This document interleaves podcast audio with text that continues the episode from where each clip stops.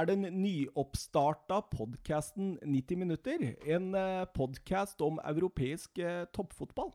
Jeg heter Thomas Edvardsen, og med meg har jeg Mats Granvold. Hei, hei, Thomas Edvardsen. Hei, hei. Eh, hvordan går det? Jeg har det veldig, veldig fint. Det blir utrolig spennende å prøve ny podkast. Denne gangen får jeg lov å være med sjøl, så det, det skal bli veldig gøy. Ja, altså, Vi sitter jo ikke i et uh, profesjonelt eh, podkaststudio, og vi har jobba noen timer nå med å få lyden opp og gå. Og eh, det har jo vært noen eh, glipptak her og der, men nå tror jeg faktisk vi er i gang. Det har vært litt sånn to gode naboer, egentlig, når det gjelder å prøve seg litt fram og tilbake her. Men vi får håpe vi er i gang nå. Ja, og selve konseptet, Mats. Vi, vi er jo lyttere av eh, mange fotballpodcaster. Vi, vi syns jo det er veldig artig. Men uh, så har vi lagt merke til at mange av dem er jo litt sånn De, de, skraper litt i overflata. Hva er vår idé her? Altså, Vi skal jo touche innom en del kamper, vi også, og skrape litt i overflata. Men vi ønsker jo å plukke ut noen kamper, og så gå litt mer i dybden og finne ut hvorfor og hva som skjer, og, og hvorfor det skjedde. Ja, fordi eh, vi er jo begge tidligere fotballspillere. Vi er, eh, har trenererfaring, trenerkurs, sånne ting. Så vi, vi eh, prøver å dele litt av kunnskapen eh, vi har. Og så eh, ser vi jo rett og slett hvordan dette vil gå. Ja, jeg gleder meg veldig. Jeg mener jo sjøl jeg har litt kunnskap og erfaringer når det gjelder fotball, så det blir spennende å se om det er noen som gidder å høre på dette. Eh, ja, det er i hvert fall eh, naboen vår et par kompiser i hvert fall. Og da, så lenge vi har det gøy, tenker jeg. Det er det viktigste. Eh, målet her er jo, eller det jeg også tenker, er at vi får jo enda en unnskyldning til å prate enda mer fotball. Og det er, det er, det er gøy, altså. Jeg kjenner jeg gleder meg. Jeg kjenner jeg gleder meg. Um, ja. Nå har det allerede gått tre minutter, og vi har jo egentlig ikke kommet noe vei enda, da. Jeg ingen, håper ingen, ingen målsjanser ennå? Nei, ingen målsjanser enda. Spill på midtbanen, fram og tilbake. Kjenne, ta og føle litt på hverandre. Oi. Oi. uh, ja. Uh, først av alt uh, Skal vi bare hoppe rett i det? Rett inn i kjernen? Jeg syns det. jo mer fotball, jo bedre er det jo. Ja. Og eh, det var jo sånn at eh, i helgen så var det en Premier League-runde. Den starta fredag kveld. 21.00. Jeg og deg, vi benka oss og var klare til å se Liverpool mot Huddersfield. Ja, jeg eh, tok turen over til deg for å se den kampen, og eh, underholdning ble det jo. Uh, det starta jo fryktelig tidlig. Uh, men jeg må jo si at det Huddersfield-laget, det så skremmende dårlig ut, altså. Ja, men tenk deg, da når eh, du kommer på Anfield. Du skal eh, ligge litt bakpå, prøve å ta noen kontringer. Og så får du et mål imot deg etter 15 sekunder. Det er ikke så lett å slå tilbake for det så tidlig. Eh, men jeg mener jo også her at eh, etter hvert som den kampen sklei fram, så følte jeg det at, eh, at Liverpool spilte ikke på full maskin. altså. Så var de ganske mye bedre enn Huddersfield. Det behøvde de ikke. De hadde nok litt eh, Barcelona i tankene når det ble to og tre der, tenker jeg. Eh, det skal du ikke se bort ifra, men det stussa litt over også. Liverpool hadde jo faktisk eh, fem, kamp, fem dager hvile før eh, Barca-kampen. Så de, litt, eh, de, hadde litt å gå på der, altså. Ja. og det jeg tenker på nå, liksom sånn for, fra et treners perspektiv, da. Sånn øh, du liksom Hvis du, du hadde kommet på uh, matta med laget ditt, og så Og det er skulle, Huddersfield, eller? Nei, ja, det blir jo det, da. Og så skal du uh, forsvare deg og kontre. Det er, det, det, er liksom, det er det som ligger i bunnen, da, i taktikken. Og så slipper de innom mål etter 15 sekunder. Eh, hva ville du gjort? Ville du gjort noe annerledes? Du... Altså, For det første så tror jeg kampplanen hadde sett litt annerledes ut. Eh, at Huddersfield velger å spille seg ut der under hardt press allerede etter 15 sekunder, det syns jeg er litt bemerkelsesverdig. Eh, den ballen bør slås lengre og over første pressledd. Og dermed unngå egentlig hele den situasjonen som oppstår før det blir 1-0. Eh, når de først havner under 1-0, så må, hadde jeg fortsatt med den samme kampplanen. Prøve å holde 1-0 så lenge som mulig. Og så også eventuelt prøvd å få til en redusering uh, utover i matchen. Men uh, Liverpool drepte jo også det ganske tidlig, når de fikk 2-0 uh, midtveis i første omgang. Ja, det gikk jo raskt der at de De avgjorde jo Det var jo ikke spenning, det, men det var underholdning, for det var jo god angrepsfotball, da. Til tider, i hvert fall. Dem Ja, altså, Liverpool har jo et bra Arsenal, da. Eh, et bra Arsenal. den, var, den var fin. Den fin. Eh, de har jo en bra angrepsrekke. Eh, jeg syns jo Salah han, han fikk jo ikke til alt han prøvde på, men, men han, er, han er jo skummel når han får rettvendt seg rundt boksen til motstanderen. Og Mané med den farta han har, så, så er du nødt til å ligge lavt altså, hvis du skal greie å stå imot mot de gutta der. Men, men Salah skårte to mål, men det var vel den spilleren jeg på en måte var mest frustrert over, selv om Altså, altså det er mange feilvalg i siste tredelen der. Han, øh, Veldig ofte når han kan spille ball, så skyter han. Og øh, ja, du kan bli litt frustrert. Nå er ikke jeg noen Liverpool-supporter, så men jeg tror vel de fleste Liverpool-supportere tenker at han eh, får lov til å prøve og feile mye. Ja. Når, du har, når, du har, de egenskapene som han har. Han har et såkalt fripass, tenker jeg. Ja, ja det er litt sånn Liverpools-messig. Ja. Uh, han kan dasse litt rundt utpå der, og han kan skyte litt når han føler for det og sånne ting. For han, han gjør det jo veldig bra. Når han eh, først skårer, så er det jo to veldig fine mål. Eh, selv om forarbeidet på den 5-0-skåringen er vel høydepunktet der. Ja, det er klart. Eh, der, der kommer jo Robertsen igjen, som han gjør eh, haugevis av ganger i løpet av en kamp. Han er nå faktisk oppe i 11 assist. Det er, eh, det er ikke gærent. Det er vel flest i Premier League, er det ikke? Jo, det må jo være det. Nei, nei, det er det ikke, skjønner du. Fordi Eriksen og Asard er i hvert fall over. Eriksen har 12, og jeg tror Asard har 13. I hvert fall før United-kampen. Nei, den, han hadde ingen assist der, så det Nei. nei. Mm. Men det er likevel sterkt fra en venstreback. Eh, Trent Alexander Arnold bidrar jo mye fra høyre side også, så Ja, han har ni. Bekkene til Liverpool her ja, det, er viktige offensive bidragsytere. Og de, de sto jo for tre assist til sammen også i løpet av den kampen der. Fordi de kommer og kommer og kommer. De, mm. det er vanskelig å, å, forsvare seg mot, og begge har jo en eh, kjempebra innleggsfot. da. Altså Det som jeg kjennetegner Liverpool med, er jo at den, de har en voldsom gjennombruddshissighet. Og det at uh, bekkene alltid kommer rundt, gjør at Mané og Salah ofte kan trekke inn i midten. Og dermed ta imot disse innleggene som kommer. Og uh, Robertsen har bra tempo. Trent Alexander Arnold har, uh, har mye tempo. og med den gjennombruddshissigheten de har, så skaper de jo veldig, veldig mye i kamper hvor ting fungerer. Men eh, det var jo en del av spillets faser hvor vi savna Firmino, da. For du ser jo Sturridge. Eh, vi, vi, får håpe det er en eh, spiller som blir klar til onsdag. Ja, Firmino eller Sturridge? Nei, ja. Det blir jo Firmino da i første rekke. Ja, altså sånn nøytralt, se på det nøytralt, så, så, tilfører jo Firmino en god del mer enn det Sturridge gjør. Han fløy jo litt rundt utpå der og visste egentlig ikke helt hvor han var innimellom. Uh, han har mista litt seg sjøl etter Suárez dro, faktisk. Uh, selvfølgelig slitt en del med skader, men uh, han var ikke mye målfarlig, den spilleren her. Var vel den minst målfarlige spilleren ute på banen. Ja, han har vel knapt nok spilt, så det Vi må jo unnskylde litt der, men ja. Eh, ellers, eh, van Dijk, eh, årets spiller i England av spillere sjøl i dag. Ja, det har vært bunnsolid. Så at han har ikke blitt dribla én gang i år. Da har du gjort noe greit som forsvarsspiller. Ja, nei, det, eh, det, Vel fortjent. Det er jo, han er jo så solid. Det, han er jo så safe i alt han gjør. Det er jo Altså, det, det er vel bare Fullham-kampen han virkelig kåla det til sammen med Alison. Hvis ikke så har han vært feilfri hele år, omtrent. Han han er, eh, ja, han er bunnsolid. Eh, jeg tror eh, det skal mye penger på bordet for å få kjøpt han for de som eventuelt har lyst til det i sommer.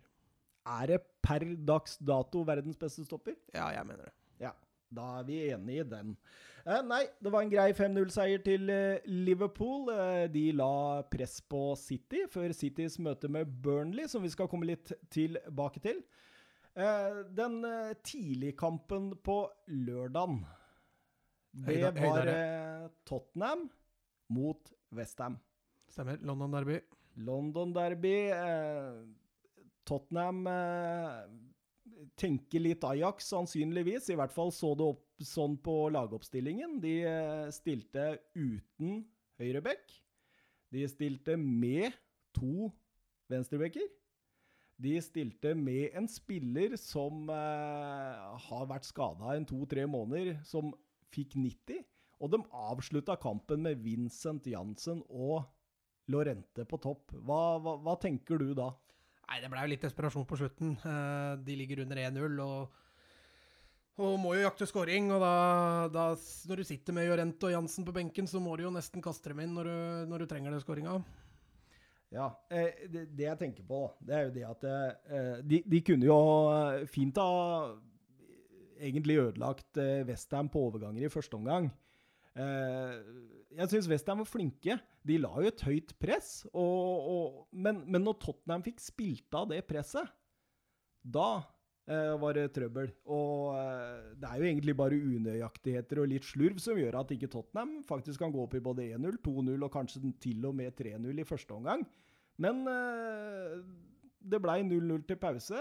Westham la bekkene sine veldig breit, som eh, stoppa crossera, som Tottenham er veldig kjent for, for å vende spillet fra bekk til bekk eller fra høyre mm, midtstopper til eh, venstre kant, og vice versa. Eh, nei, så det, det, det, gikk litt i stå, rett og slett, og, og annen omgang ble jo litt av det samme, da. Altså, jeg så i hvert fall utover i andre omgang, så, så sleit jo Tottenham litt med å skape sjanser. Det blei litt litt desperasjon over det. Uh, men allikevel, det som, uh, som, var kampens høydepunkt der, var jo feiringa til, uh, til Antonio, var det ikke det? det er noe av det sjukeste jeg faktisk har sett på lang, lang tid. Jeg, jeg, altså, jeg tok meg i å sitte og flire, for å si det sånn. Det, det, det var ganske heftig. Han bula ganske mye på den shortsen når han dansa fram og tilbake. Så det.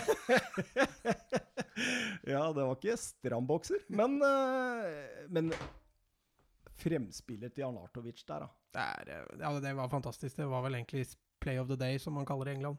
Ja, jeg vil uh, tro det. Tottenham uh, de skal jo videre ikke så langt, for de har jo hjemmekamp også neste tirsdag, mot Ajax. Uh, vi skal ta det litt seinere igjen, men vi går videre i runden, og det var Palace mot Everton.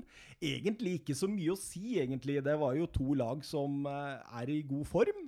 De, uh, Palace har vel tre seire på de siste fem, og jeg tror Everton har fire.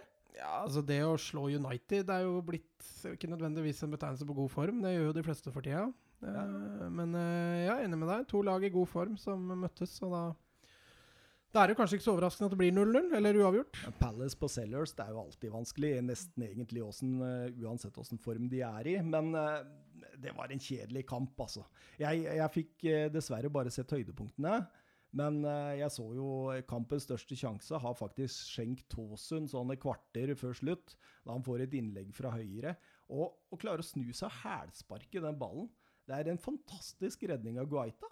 Så eh, det, var, det, var, det, er nesten litt synd at han ikke gikk inn, men sånn kampen sett over ett og hva man har lest og forstått, så uh, tror jeg 0-0 var helt greit. Uavgjort, deling Ja. Mm -hmm. Eh, videre så er det Fulham Cardiff. Eh, vi skal ikke si så veldig mye om den. Eh, Cardiff hadde jo en mulighet da, til å på en måte legge litt press på Brighton. Mm. kommer til Fulham der og gjør ikke noe god kamp i det hele tatt. Nei, det var litt skuffende. Fulham har jo ingenting å spille for. Cardiff har jo alt å spille for.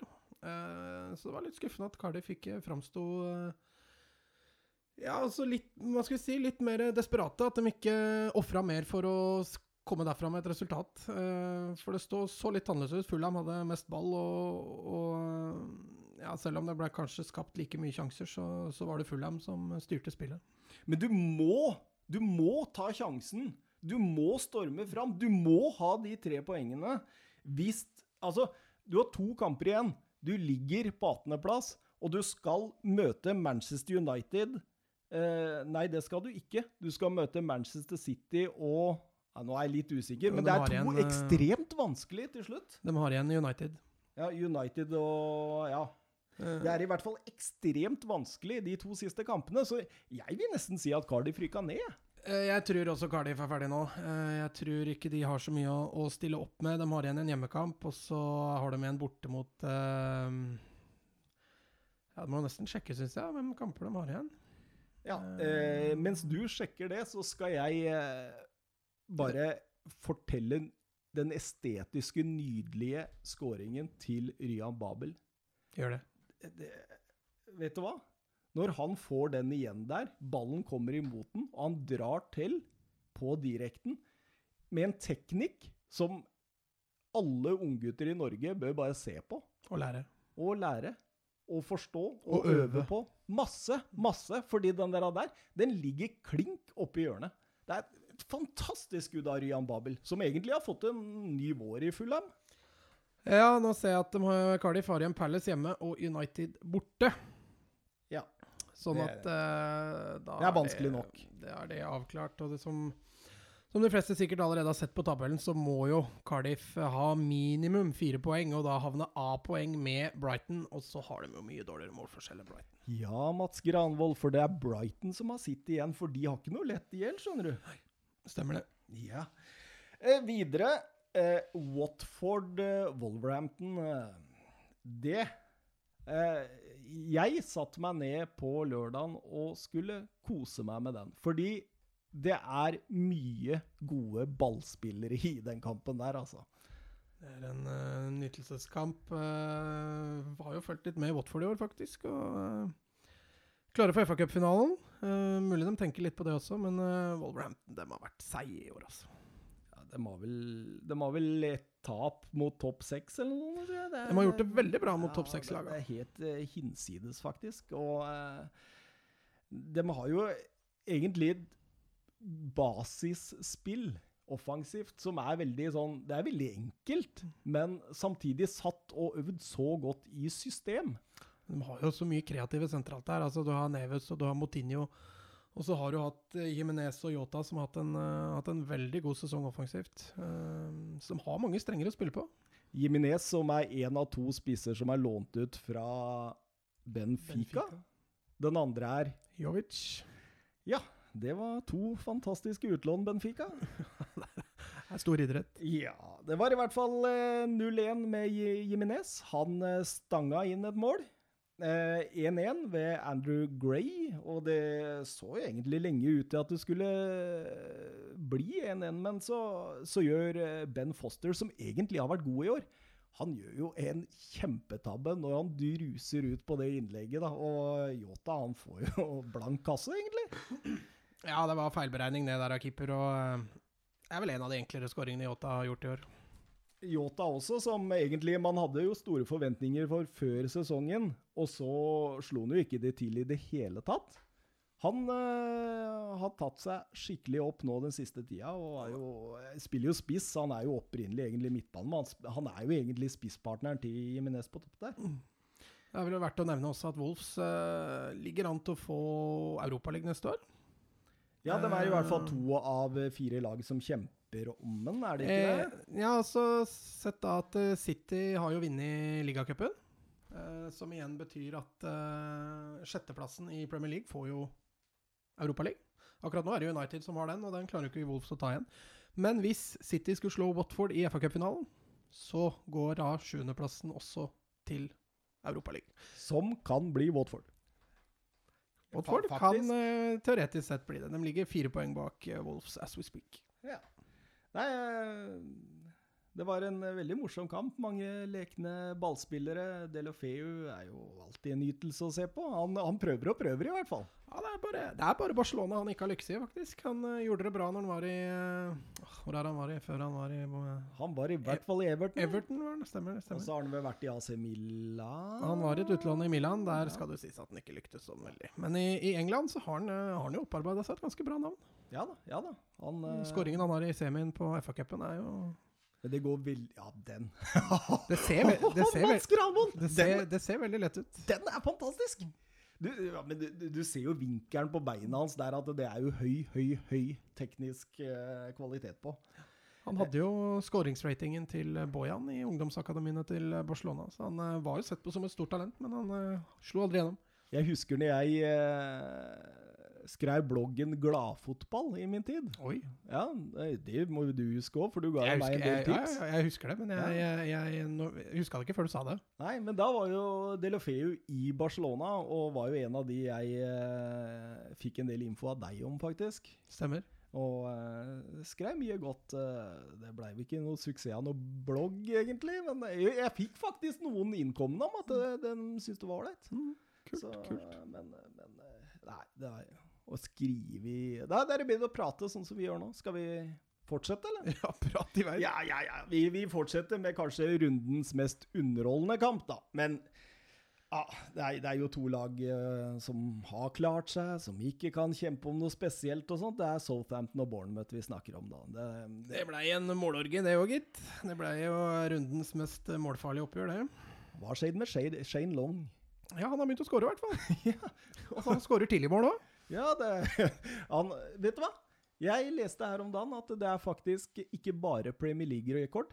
Det er faktisk ligarekord all over de sju sekundene. I- England, altså. Ja. Det stemmer nok helt sikkert. Det er ikke så lett å skåre et mål som går fortere enn sju sekunder, da, så det, det sier seg vel litt sjøl. Ja. Nei, men så han, han, i hvert fall Shane Long, skårte 1-0. eh, 1-1. Gosling kom igjennom og setter den Ja, han setter den jo egentlig via midtstopper og eh, til side for keeper. 1-2 igjen. Wilson. Stemmer. Han har hatt en uh, veldig god sesong, egentlig. Ja, Han uh, var skada en to-tre måneder, men før og etter det så har det jo pøst inn. Ja, jeg syns det. Han uh, har, fått, har en veldig bra eh, sparringspartner der oppe, han eh, Joshua King. Som også for øvrig var veldig god. Han Absolutt. sto absolutt. bak mye. Eh, 2-2 igjen. Eh, altså da svarer eh, Southampton igjen. James Ward Prowse har jo også fått en, eh, egentlig en eh, ny vår under eh, Ralf Hasselhotel. Mm, stemmer. Eh, har jo et vanvittig høyrebein, da. Har Beckham-tilslaget. Så eh, det er veldig artig, eh, artig spiller å følge med på. Han er fortsatt ung, vet du. Fortsatt ung. Eh, 3-2 til Southampton igjen. Så det er, her går det jo i, her, bytter jo egentlig kampen leder tre ganger. Eh, Matt Target eh, møter eh, Valeris innlegg på bakerste og får grei skuring. Eh, Veldig god heading han setter der, altså. Mm. Men eh, Matt Target, forresten, som vikarierte for en skadet Ryan Bertrand. Stemmer. Eh, siste målet, Wilson igjen, 3-3, bare noen minutter før slutt. Redda dagen for eh, King og Bournemouth, det. Stupte inn i feltet der og fikk satt den på fra én meters hold. Det litt sånn typisk goalgetter-mål, det. Eh, rett og slett god underholdning. Eh, altså, det virka jo som begge lag slapp opp. altså Både Eddie Howe og Hasselhutl er jo kjent for det også, og, og, og på en måte tømme seg litt. Så det, det, det Bournemouth spiller jo ofte underholdende kamper. Ja. Eh, de skårer mye, og de slipper inn mye. Eh, de har jo sluppet inn 65 mål. Det er ett mål mindre enn Cardiff, som ligger på nedrykk. Og de har, eh, de har også da skåret altså 52 mål. Og det er like mye det som Everton og Leicester gjør, som kjemper om, om Europaligaen. Så Bournemouth er et underholdende lag. Så enkelt er jo det. Men hvis du pøser alt framover og samtidig ikke har så spesielt god keeper, og du har heller ikke noe vanvittig bra forsvar, da må det jo bli sånn. Det gjør det, og det er litt sånn, sånn som du nevnte tidligere angående Huddersfield også, at de, de ønsket jo å spille mye mer offensiv fotball, men innså kjapt at det funka ikke. For Bournemouth så har det fungert bedre, og det er litt sånn fotball jeg føler de bør spille hvis de skal komme noen vei i Premier League. Hvis de skulle lagt seg mer bakpå, så hadde det blitt mange færre skåringer. Eh, Da hadde de kanskje sluppet inn færre òg, men jeg tror de fort kunne kjempa lenger ned på tabellen. Hvis de hadde valgt en litt mer destruktiv fotball. Ja, fordi det er jo spisskompetansen sitter jo fremover i banen. Ryan uh, Frazier, ja, han er jo fantastisk. Tatt Mhm. stega. Uh, Joshua King, uh, solid Premier League-spiller har han blitt. Ja, han, er jo, han varierer jo veldig med skåringer, da. Han hadde jo en periode januar-februar hvor han skåret litt, og så har han hatt en lengre periode nå hvor han ikke skårer. Men flaks for Bournemouth at det var den perioden Wilson Hvor, var mest Wilson ute. var borte, ja. Ja. Så det kan jo godt hende det har noe å si da med at han blir trekket litt ned Mm. når Wilson er tilbake. ikke sant? Ja. Eh, ikke noe mer annet å si egentlig. Det, det var underholdende. Jeg Kan jo nevne at Southampton da faktisk har overlevd. Det er fysisk umulig for, eh, for Cardiff å ta dem igjen. Så Hasselhutl eh, har Gjorde, gjorde jobben. Ja, men han virker jo som en, eh, en pragmatisk og bra manager også. Han virker som han uh, veit hva han snakker om. og ja, Kanskje det er en av disse managerne Southampton eh, sender videre til en større klubb etter hvert. Som, Ja, så har han jo et veldig artig navn, da. Det kommer jo langt med det òg, hvis du er morsom nok. høres ut som en onkel i Ja, men onkel i eventyrene om Hans og Grete nå. Hans og Grete nei. Eh, videre, Brighton-Newcastle. Vi skal ikke si så voldsomt mye om den heller. Altså eh, 1-0 av Jose Perez er jo i kjempeform for tida. Fem mål på tre kamper nå. Ja, han har vært eh, hva, hva var de slo, Hvem var det de slo 3-0 hjemme sist? Åh. Du vet hva, med Eh, korttidshukommelse som en uh, gullfisk, så uh, Han hadde i hvert fall en kjempekamp sist på St. James'. Ja, han hadde jo hat tricket sitt der, og han, Stemmer, stemmer. Han, er, han er jo ikke en spiller som er vant til å skåre så voldsomt mye mål. Så når, når det først uh, slipper opp, så legges det jo også merke til. Han er vel han er spansk. så 15 år. 3-1 hjemme mot Southampton. Da var det Hasselhutel som fikk gjennomgå, da. Da var det Haslund som akkurat fikk skryt. 1-1. Pascal Gross Gro Gross, faktisk. Gross. Ja, Ja, Pascal to- Gross Stor, kommer stor B i tysk på tysk blir to s-er, vet du, så det Ja, ja. er- stemmer det. En Sharfis S, er ikke det det heter egentlig? Eh, han eh, hadde jo en god fjorårssesong, har jo dabba veldig av i år, men eh, Murray header han igjennom, og han eh, kommer på de løpa som han skårte en del på i fjor. Han. Kan jo vise seg at det blir et veldig viktig poeng for Brighton. Eh, ikke u... Sikkert ikke uvisst at de taper de to siste kampene, eh, og at Cardiff kanskje slår Palace hjemme. Så skal du ikke se bort fra at det ene poenget de fikk hjemme mot Newcastle, blir, eh, blir avgjørende. Men jeg tror vi begraver Cardiff. Jeg tror vi gjør det, altså. Eh, så får vi heller Ja, Da gratulerer vi Brighton med en ny sesong i Premier League. Jeg tror vi gjør det. Ja, vi gratulerer. Og så får vi heller bite oss i det og ta selvkritikk ved en eh, seinere episode. Eh, Leicester-Arsenal. Ja, Eh, den, den, den var faktisk spenstig. Den hadde jeg gleden av å få med meg i full og det hele sjøl. Og det Ja, hva skal man si om Arsenal? Eh, fra å spille fantastisk i Europaligaen til å drite seg fullstendig ut i Premier League. Det, det er ikke så lett å forklare, tror jeg. Jeg tror eh, Emery sliter litt med det sjøl òg. Arsen Wenger all over again. Ja, altså Skulle det vise seg at de ikke vinner Europaligaen og blir nummer fem i Premier League, så er det vel uh, ny runde Wenger. Men jeg, jeg syns ikke de har tatt voldsomme steg spillemessig, i hvert fall. Altså, de har kanskje til tider kanskje se litt mer organisert ut bak. Men forover så kanskje litt dårligere, selv med Aubameyang og Lacassette. Uh, Altså, de, de har jo en del eh, tempo, de har en del kreativitet, men altså, du, du har det usikre kortet som, er, som Øsil, da, som, som kan spille fra det helt utenomjordiske til å være, se ut som en dårlig utgave av seg sjøl. og så har du Aubameyang, han er jo ekstrem fart. Uh, Una Emery, også så du også i PSG, at han, han er jo en direkte manager som liker å gå hurtig angrep. Det tror jeg han solgte litt inn på intervjuet når han skulle ta over Arsenal òg, det tror jeg de likte. Eh, og så har han hatt kamper i år hvor det har vært veldig gøy å se på Arsenal. Og så har det vært kamper i år hvor, sånn som f.eks. den i, mot Leicester, som var eh, Ja, det var uh, tynnsuppe, for å si det mildt. altså. Men hva tenker du når Emery har uttalt eh, til media at eh, Øsil kan ikke spille bortekamper? Eh, jeg veit ikke helt hva man skal tenke om det. Det høres jo veldig rart ut. Han skal vel ha en unnskyldning på det, jeg vet ikke. Eh, Det er jo hans defensive kvaliteter først og fremst. Jeg tenker som ikke holder mål. Ja, Altså arbeidsraten defensivt. eh, Men Ja, men altså, du har jo du mange kan ikke ha sånne spillere som kun kan spille på Altså Nå har han spilt litt borte, da, men det har jo ikke gått noe bedre, liksom. Altså, Du kan ikke ha sånne spillere i et topplag som skal kjempe om topp fire i England. Nei, altså setter du igjen en av de, de beste offensive spillere hjemme, hjemme da, da skal du jo få det tøft. Men øh, han har jo, når han er på sitt dårligste, så bidrar han jo, som du sier, svært dårlig. Og da Ja. Og så er det noe med det er noe med midtbanekonstellasjonen der. Det er, det er, det er mye like spilletyper. eh, altså sentralt dypt på midten, som, som egentlig ikke De er ikke noe gode til å transportere ball, og de liksom på en måte Det er ikke noe kreativitet, det er ikke noe oppfinnsomhet. Det, de, de framme må stå for alt, egentlig. Ja, altså, jeg syns Ramsey har hatt en god sesong. Eh, om det er fordi han er på vei til Juventus, eller om han eh, rett og slett bare ville si ha det på en ordentlig måte, det får gjenstå å se, da. Men han eh, Jeg syns Ramsey har vært, eh, har vært bra. Eh, selv om han ikke står for den enorme kreativiteten, så er han jo en boks-til-boks-spiller. Han er ofte, dukker ofte opp, skårer mål. Eh, Mye skada nå. Han har vært litt skada i det siste, ja. Men han har, han har redda Arsenal litt i år. Skal vi prøve å ta kampen, eller? Eh, Maitland Niles, to gule i første omgang der, ganske raskt etter hverandre. Han ble utvist etter 36 minutter. Da var det takk og farvel. Og etter det så var det mye Lester, altså. Ja. Ja, og Tilemans eh, gjør 1-0, eh, sånn etter en time spilt omtrent. Ja, han eh, var fin skåring. Ja, men han har tatt steget, han der. Han har vært veldig bra i år, syns jeg. Du hørte om wonderkiden Tilemanns. Så gikk han til Monaco, og så tenkte du ah, nå skal Monaco nok en gang utvikle et stort talent. Og så ble det helt borte. Han, sammen med Monaco, da, den falt jo sønder og sammen, og så ble han henta til Leicester.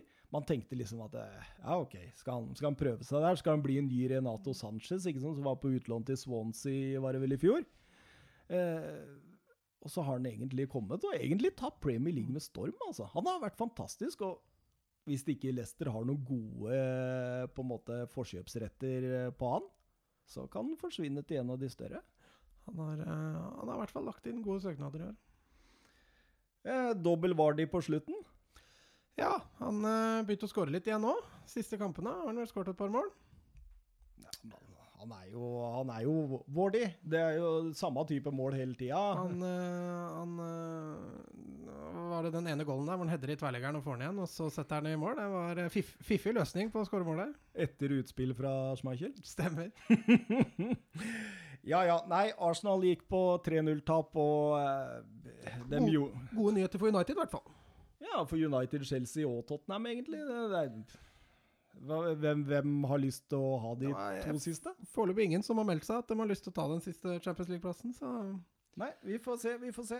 Eh, da var det Burnleys Manchester City, og City hadde jo et press på seg fordi Liverpool hadde spilt eh, tidvis underholdende fotball og eh, knust Huddersfield 5-0. City må svare. Det var vel den vanskeligste kampen de hadde igjen, tror jeg. Borte mot Burnley. Eh, og jeg syns de svarte egentlig ganske bra. Men det var jo, i hvert fall andre omgangen, var ganske underholdende å se på. Ja, for første omgangen var dørgende kjedelig. Første omgangen var kjedelig. Ja. Uh, men andre omgangen, altså se Burnley oppofrende spill i, i, på strek gjentatte ganger, det, er, det kan være like underholdende det som god fotball. Altså. De er fantastiske å forsvare boks. Ben Me og James Tarkovsky de vinner jo mye dueller dine der, da. Det skal sies. Ja, men jeg vet ikke, Den skåringa til Aguero den greide de jo akkurat ikke å holde utafor. Men eh, det var et par andre der som de redder på streken, som er eh, Ja, det er nesten litt artig å se på når de er så oppofrende som de er for å stenge egen goal. Hva tror du Liverpool-supporterne tenkte når Aguero satte inn 1-0 etter 62 minutter? Jeg tror de tenkte faen, nå blir vi nummer to med 97 poeng. Det tror jeg òg. Jeg tror faktisk at det, det målet avgjorde serien. Ja, Guero har gjort det før, han. Men eh, vi, nå må jo kampene spilles først, da. Men jeg, som jeg sa i stad, så tror jeg dette var den tøffeste kampen for City. Uh, så får jo bare tiden vise om, om, om vi får rett i det. Litt artig hvis det på en måte har eh, noe å si for seg at tre centimeter inne var det som på en måte var utslagsgivende. Ja, eh, det hadde vært eh, nok en historie for Aguero i Premier League-sammenheng. League De har jo en Leicester nå neste, og så Brighton borte i siste, så Men hva, hva gjør Guardiola for å på en måte Altså, de kommer jo til pause. Ikke produsert veldig mye, ikke fått til spillet sitt. Mangla en Kevin De Bruyne, det ser du veldig klart. En Sané som er egentlig totalt ute av form. Eh, hva tror du hva var, det, hva var det han gjorde som gjorde at de, de, de sto høyere i annen omgang? De sto høyere, pusha Mm. mye større, sto etter og kom med flere. Mm. Walker var høyere opp, og han eh, ukraineren Shin, Shin, Shinchenko. Shinchenko Shincheski Ja, eh, de sto jo mye høyere. Og eh, Ja, det, og det ga jo uttelling, og jeg tenker Vet du hva? Det var, litt, det var jo litt sånn at de måtte, de måtte jo vinne kampen. Så det hadde jo vært rart om ikke, om ikke City eh, gikk høyere i andre omgang og, og pressa Burnley litt. Eh, så det, jeg følte jo det at de hadde jo ikke noe valg. Hadde City avgitt poeng i den kampen der, så hadde jo mest sannsynlig gullet glippet. Og nå sier vi her at det blir gull. Vi tar den sjansen, akkurat som vi eh, holdt Brighton oppe. Ja, jeg, synes, jeg tror vi kan gratulere City med gullet. Nei, men da gratulerer vi Manchester City med, med gullet, og jeg tenker at vi eh, Vet du hva, det var vel egentlig Premier League-bolken. fordi i, i dette programmet, Matt, Stemmer. så skal vi jo eh, gå dypere inn på enkelte fotballkamper. Og eh, en av dem er Manchester United mot Chelsea. Mhm. Så den putter vi litt til side. Kommer tilbake til den. Og så fortsetter vi eh, programmet videre. Gjør det. Ja, Mats. eh, Da var det vel på tide å gå over til La Liga. La Liga, La Liga. Ja, stemmer. Eh, Atletic Bilbao Alaves. Vi kan jo ta den kampen først. Det var den som ble spilt først. Eh, en ganske underholdende kamp, må jeg si. Eh, to lag som ville angripe. Alaves har jo en fryktelig dårlig form inne for tiden. De, eh, de eh, lå jo lenge an til å kjempe om Champions League. Eh, nå har de flere poengtap og tap på rekke og rad, for dem var vel kanskje en uavgjort 1-1 borte mot Atletic Bilbao et bra resultat. Bilbao på sin side har jo bytta plass nå med Alaves, der de lenge lå og kjempa om nedrykk. Så, så er de nå med i kampen om, om Europa League, i hvert fall. Og så, så var kanskje det mest skuffende for Bilbao å kun klare 1-1 der. Eh, to fine skåringer. Benyat sendte Bilbao i ledelsen før, uh, før eh, Borja utligna for Alaves rett før pause. Og dermed en målløs andre omgang. Har det løsna for han der av Williams, eller? Williams? Ja, Inyaki Williams. Inyaki Williams han, han har vært veldig god etter nyttår. Han har skåret en del mål. Han er vel Det som har vært Abrahams tidligere for, for Bilbao, er jo det at han har produsert mye, men, men lite mål. Eh, ingen mål i denne kampen, riktignok, men han har, eh, han har noen skåringer fra tidligere nå som eh, kan kanskje se ut som at han er i ferd med å, å løsne litt for han. Ja. Neste match, Atletico Madrid-Valladolid. Eh, Valladolid kjemper jo med ryggen mot veggen, mildt sagt. Eh, ligger, eh, ligger under streken. Har, eh, har riktignok kort vei opp, men eh, Men eh, de sliter jo litt med å, med å skape målsjanser i bortekampen mot eh, Atletico Madrid. Eh, litt samme som vi har sett tidligere på, på Atletico, så når de møter lag som er svakere enn seg sjøl, så sliter også Atletico litt med å skape mye mål. Og sjanser, selvfølgelig. Eh, Atletico Madrid vinner kampen 1-0. Et selvmål sådan. Og eh, vinner jo kampen selvfølgelig fullt fortjent, men, eh, men de sliter litt i veien mot, eh, mot mål når de møter lag som ligger lavt, og som overlater det til Atletico og underholder, rett og slett. Men er ikke det Diego Simiones uh, hele opplegget, egentlig? At, Jo, litt- Altså, taktikken hans er jo veldig Når jeg sitter og ser på Atletico, så tenker jeg veldig ofte at det, den taktikken du legger opp til, det er en taktikk som hele tiden uh, er en taktikk mot lag som skal være bedre. Ja, altså, det var litt det jeg sa i starten, at, eh, at Atletico de, de sliter jo ofte når du møter lag som, som legger seg litt bakpå. Fordi Atletico Madrid de, de har ikke noe sånn spesielt ønske om å underholde. Eh, de har gode enkeltspillere, og Grismann har jo redda dem veldig ofte. Eh, nå var det et innlegg fra Saul som, som Valladolid hedda i egen goal, og da, da vinner de på det. Og det, altså, det er ikke noe sånn fyrverkeri av en fotballkamp. Det er det ikke. Nei, men eh, formen deres er jo eh, veldig bra, da. Eh, de har vel sju av åtte seire. Eh, altså, det, de tapte vel bare 2-0 mot Barca. Stemmer. Eller så er det sju seire på rad, hvis du ser bort fra den. Og så har de jo med seieren i dag eh, mer eller mindre sikra seriegullet. I La Liga så går det jo på innbyrdes, det går jo ikke på målforskjell. Og akkurat nå så er det ni poeng ned til, ned til Real Madrid, så de trenger jo ett poeng da, for å være sikra å ta, ta et, det som er et fortjent sølv. Det er det. Og hvis du så lagoppstillinga til Real Madrid, så er vel de don. Ja, så kommer vi litt tilbake til real, realkampen etterpå, men eh, de, eh, de har vel innsett at den tredjeplassen, den, den blir dems. Det er langt ned til Getafe, det er langt opp til Atletico. De kjemper jo litt i ingenmannsland akkurat nå, og bronse er, eh, er vel noe de har forsont seg med, tror jeg. Du Mats, eh, vi brukte voldsom tid på Premier League, så videre på Leganes eh, Celta Vigo, tenker jeg. Ja, det var vel kanskje rundens mest, eh, eller minst, underholdende kamp. Endte jo også 0-0 sådan. Går inn og ser på statsene, så sier jo de akkurat det samme. Å se den kampen, det var dørgende, dørgende kjedelig også. Celta Vigo de, de kjemper jo litt med ryggen mot veggen. De begynner nå å få en bitte liten luke ned til Nerik. Har jo ligget på Nerik lenge.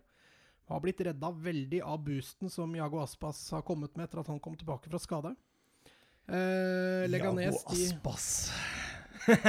Liverpool reject. Eh, men i Celta Vigo så har han vært fantastisk. Og han er blitt veldig glad i klubben, og klubben er blitt veldig glad i han. Eh, så jeg tror nok ikke han drar noe sted med det første nå. Med mindre Celta ender opp med å rykke ned, som jeg vel egentlig tror de skal greie å unngå. Ja, det ser i hvert fall sånn ut nå. Eh, grei form og han, han, Aspas han er faktisk ikke så dårlig, han. Nei, altså i La Liga så det er en liga som passer han bra da. Eh, Du så jo når han var i Liverpool, så sleit han jo med, med Premier League-nivået og tempoet og fysikken som var der, ikke minst.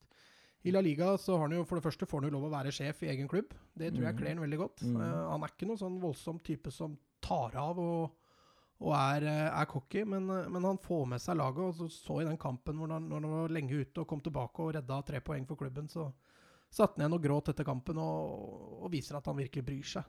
Eh, Kjærlighet heter det. Kjærlighet, det er godt. Det er godt med kjærlighet, og apropos kjærlighet, eh, Barcelona sikra seriegullet. Ja, det, no, det kan vi gratulere uten å tråkke noen på tæra, i hvert fall. Ja, en uh, kjedelig kamp det òg. Ja, første omgang var for oss så vidt kjedelig. Andre omgang var ikke så veldig mye mer oppløftende. Men det er klart, når, du, når Barca har Messi på benken og setter inn ham til pause, så løfter jo det kampen bare i seg sjøl. Han, han har jo den X-faktoren som han tar med seg inn. og Det er jo han som blir matchvinner, selv om han ikke spiller noen voldsomt god andreomgang. Og det gjør for så vidt ikke Barcelona heller. Eh, Men de gjør akkurat det de måtte for å vinne. Så når Klopp kjører eh, full maskin, så eh, er det litt mer reserveprega i Barca. Men det har vi kanskje også råd til, da, i forhold til eh, Det, det Ja. tror jeg også. Altså, Båndnivået i Premier League er nok høyere enn båndnivået i La Liga. Eh, derfor kan også Barcelona ta seg litt mer råd til å, å, ehm, å spare spillere, i tillegg til at eh, Barcelona har jo, hadde, har jo flere feilskjær å gå på for å sikre seriegullet. Liverpool må jo vinne resten for å ha håp i det hele tatt om å, om å vinne serien. Hvem av Coutinho og Dembélé spiller i rekka foran mot eh, Liverpool? Jeg er veldig usikker. Jeg, jeg har vært litt fram og tilbake på det, men jeg mistenker at, eh, at Coutinho kommer til å få sjansen. Det tror jeg også. Vi kan hoppe til neste, som var på søndagen. Valencia kjemper jo om Champions League. Eh, nå er de jo også i semifinalen i Europa League, så de hadde sikkert det også å tenke på. Eh, men allikevel så tenker man at selv om eh, Valencia sparer spillere, så skal Eibar hjemme være OK skuring. Men Valencia har snubla før, og det gjorde de jo igjen. Eh, Tapte 1-0 hjemme, hjemme mot Eibar. Eh, også det for så vidt en, en litt kjedelig kamp. Eh, Valencia sleit med å skape mange store sjanser. Eh, og Eibar fremsto egentlig som det beste laget. Uh, sånn at når alt ble talt så var det, var det faktisk en fortjent seier. Nå skal det selvfølgelig nevnes at uh, limet i Valencia-laget, Ezekiel Garay, satt jo på, på benken. Uh, og Kondogbe er jo skada, så de, de mangla jo noen spillere, Valencia, også til den kampen. Ja, jeg eh, har ikke fått sett den kampen, og ikke prioritert den, og heller ikke ønska å prioritere den, faktisk. i det. Nei, altså, kan jo, kan jo ta med at det var 0-0 lenge, og, og Eibar skåra tre minutter på, på overtid der. Det var alltid alt en del kjedelige kamper i La Liga, etter hva jeg kunne forstå. Ja, altså, det var ingen av de seks store, sju store som møtte hverandre. det, det, og det er mange, mange som er litt ferdig der nå. ja, det, er, altså, det er ikke voldsomt spenning.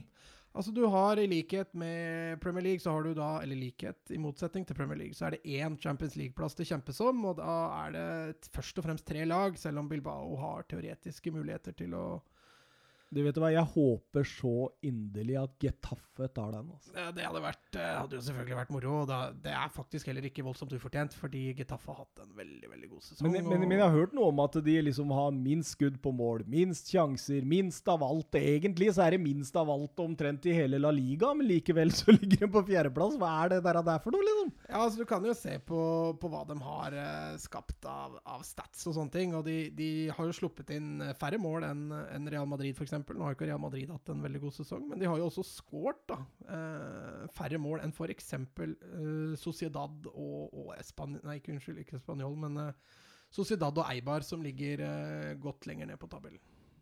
Ja, og apropos Sociedad. Apropos Sociedad. De, de spilte jo mot Getafe, de. Og de fikk en, faktisk en fortjent seier, for uh, Getafe så, så, de så litt prega ut over at de faktisk kjemper om uh, Champions League når det bare er fire kamper igjen av sesongen. Sociedad styrte den kampen trygt inn til 2-1-seier.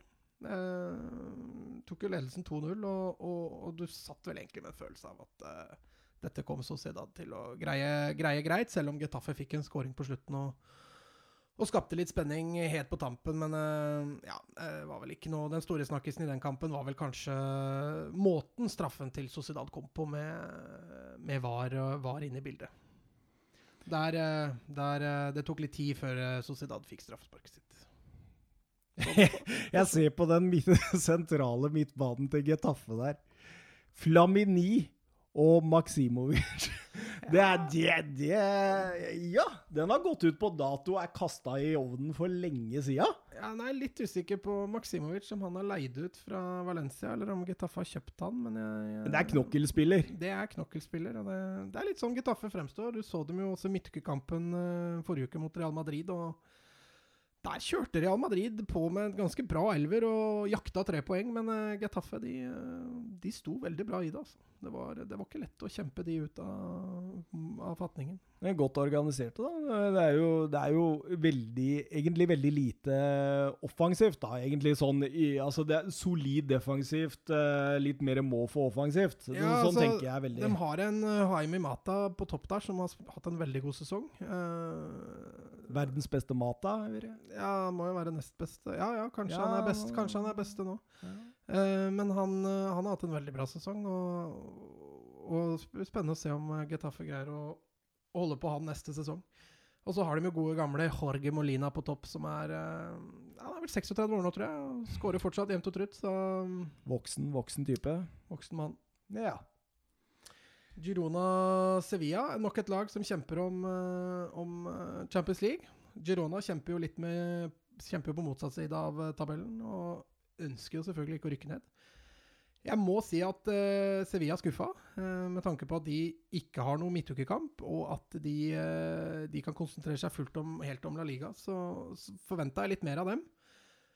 Og så Girona vinner egentlig fortjent sånn sett, kampen sett under ett. og så I tillegg så får de et veldig unødvendig rødt kort på Ever Banega fem minutter på overtid, og det, det kan vise seg å bli skjebnesvangert for Sevilla når det gjenstår tre kamper. Han uh, fikk direkte rødt, og da, da, betyr vel det minimum to kamper på, på sidelinja. Og det, det, kan svi for Sevilla, altså, fordi de kan, uh, Valencia kan jo risikere å vinne Europa League og dermed gå til Champions League via den veien, mens uh, Sevilla må sikre fjerdeplassen. Og når Getafe da snubler borte mot Sociedad, så så hadde Sevilla en god mulighet um, mot Girona. Uh, Girona på sin side, med tre poeng der, klatra vekk fra nedrykket og er uh, akkurat nå på trygg plass.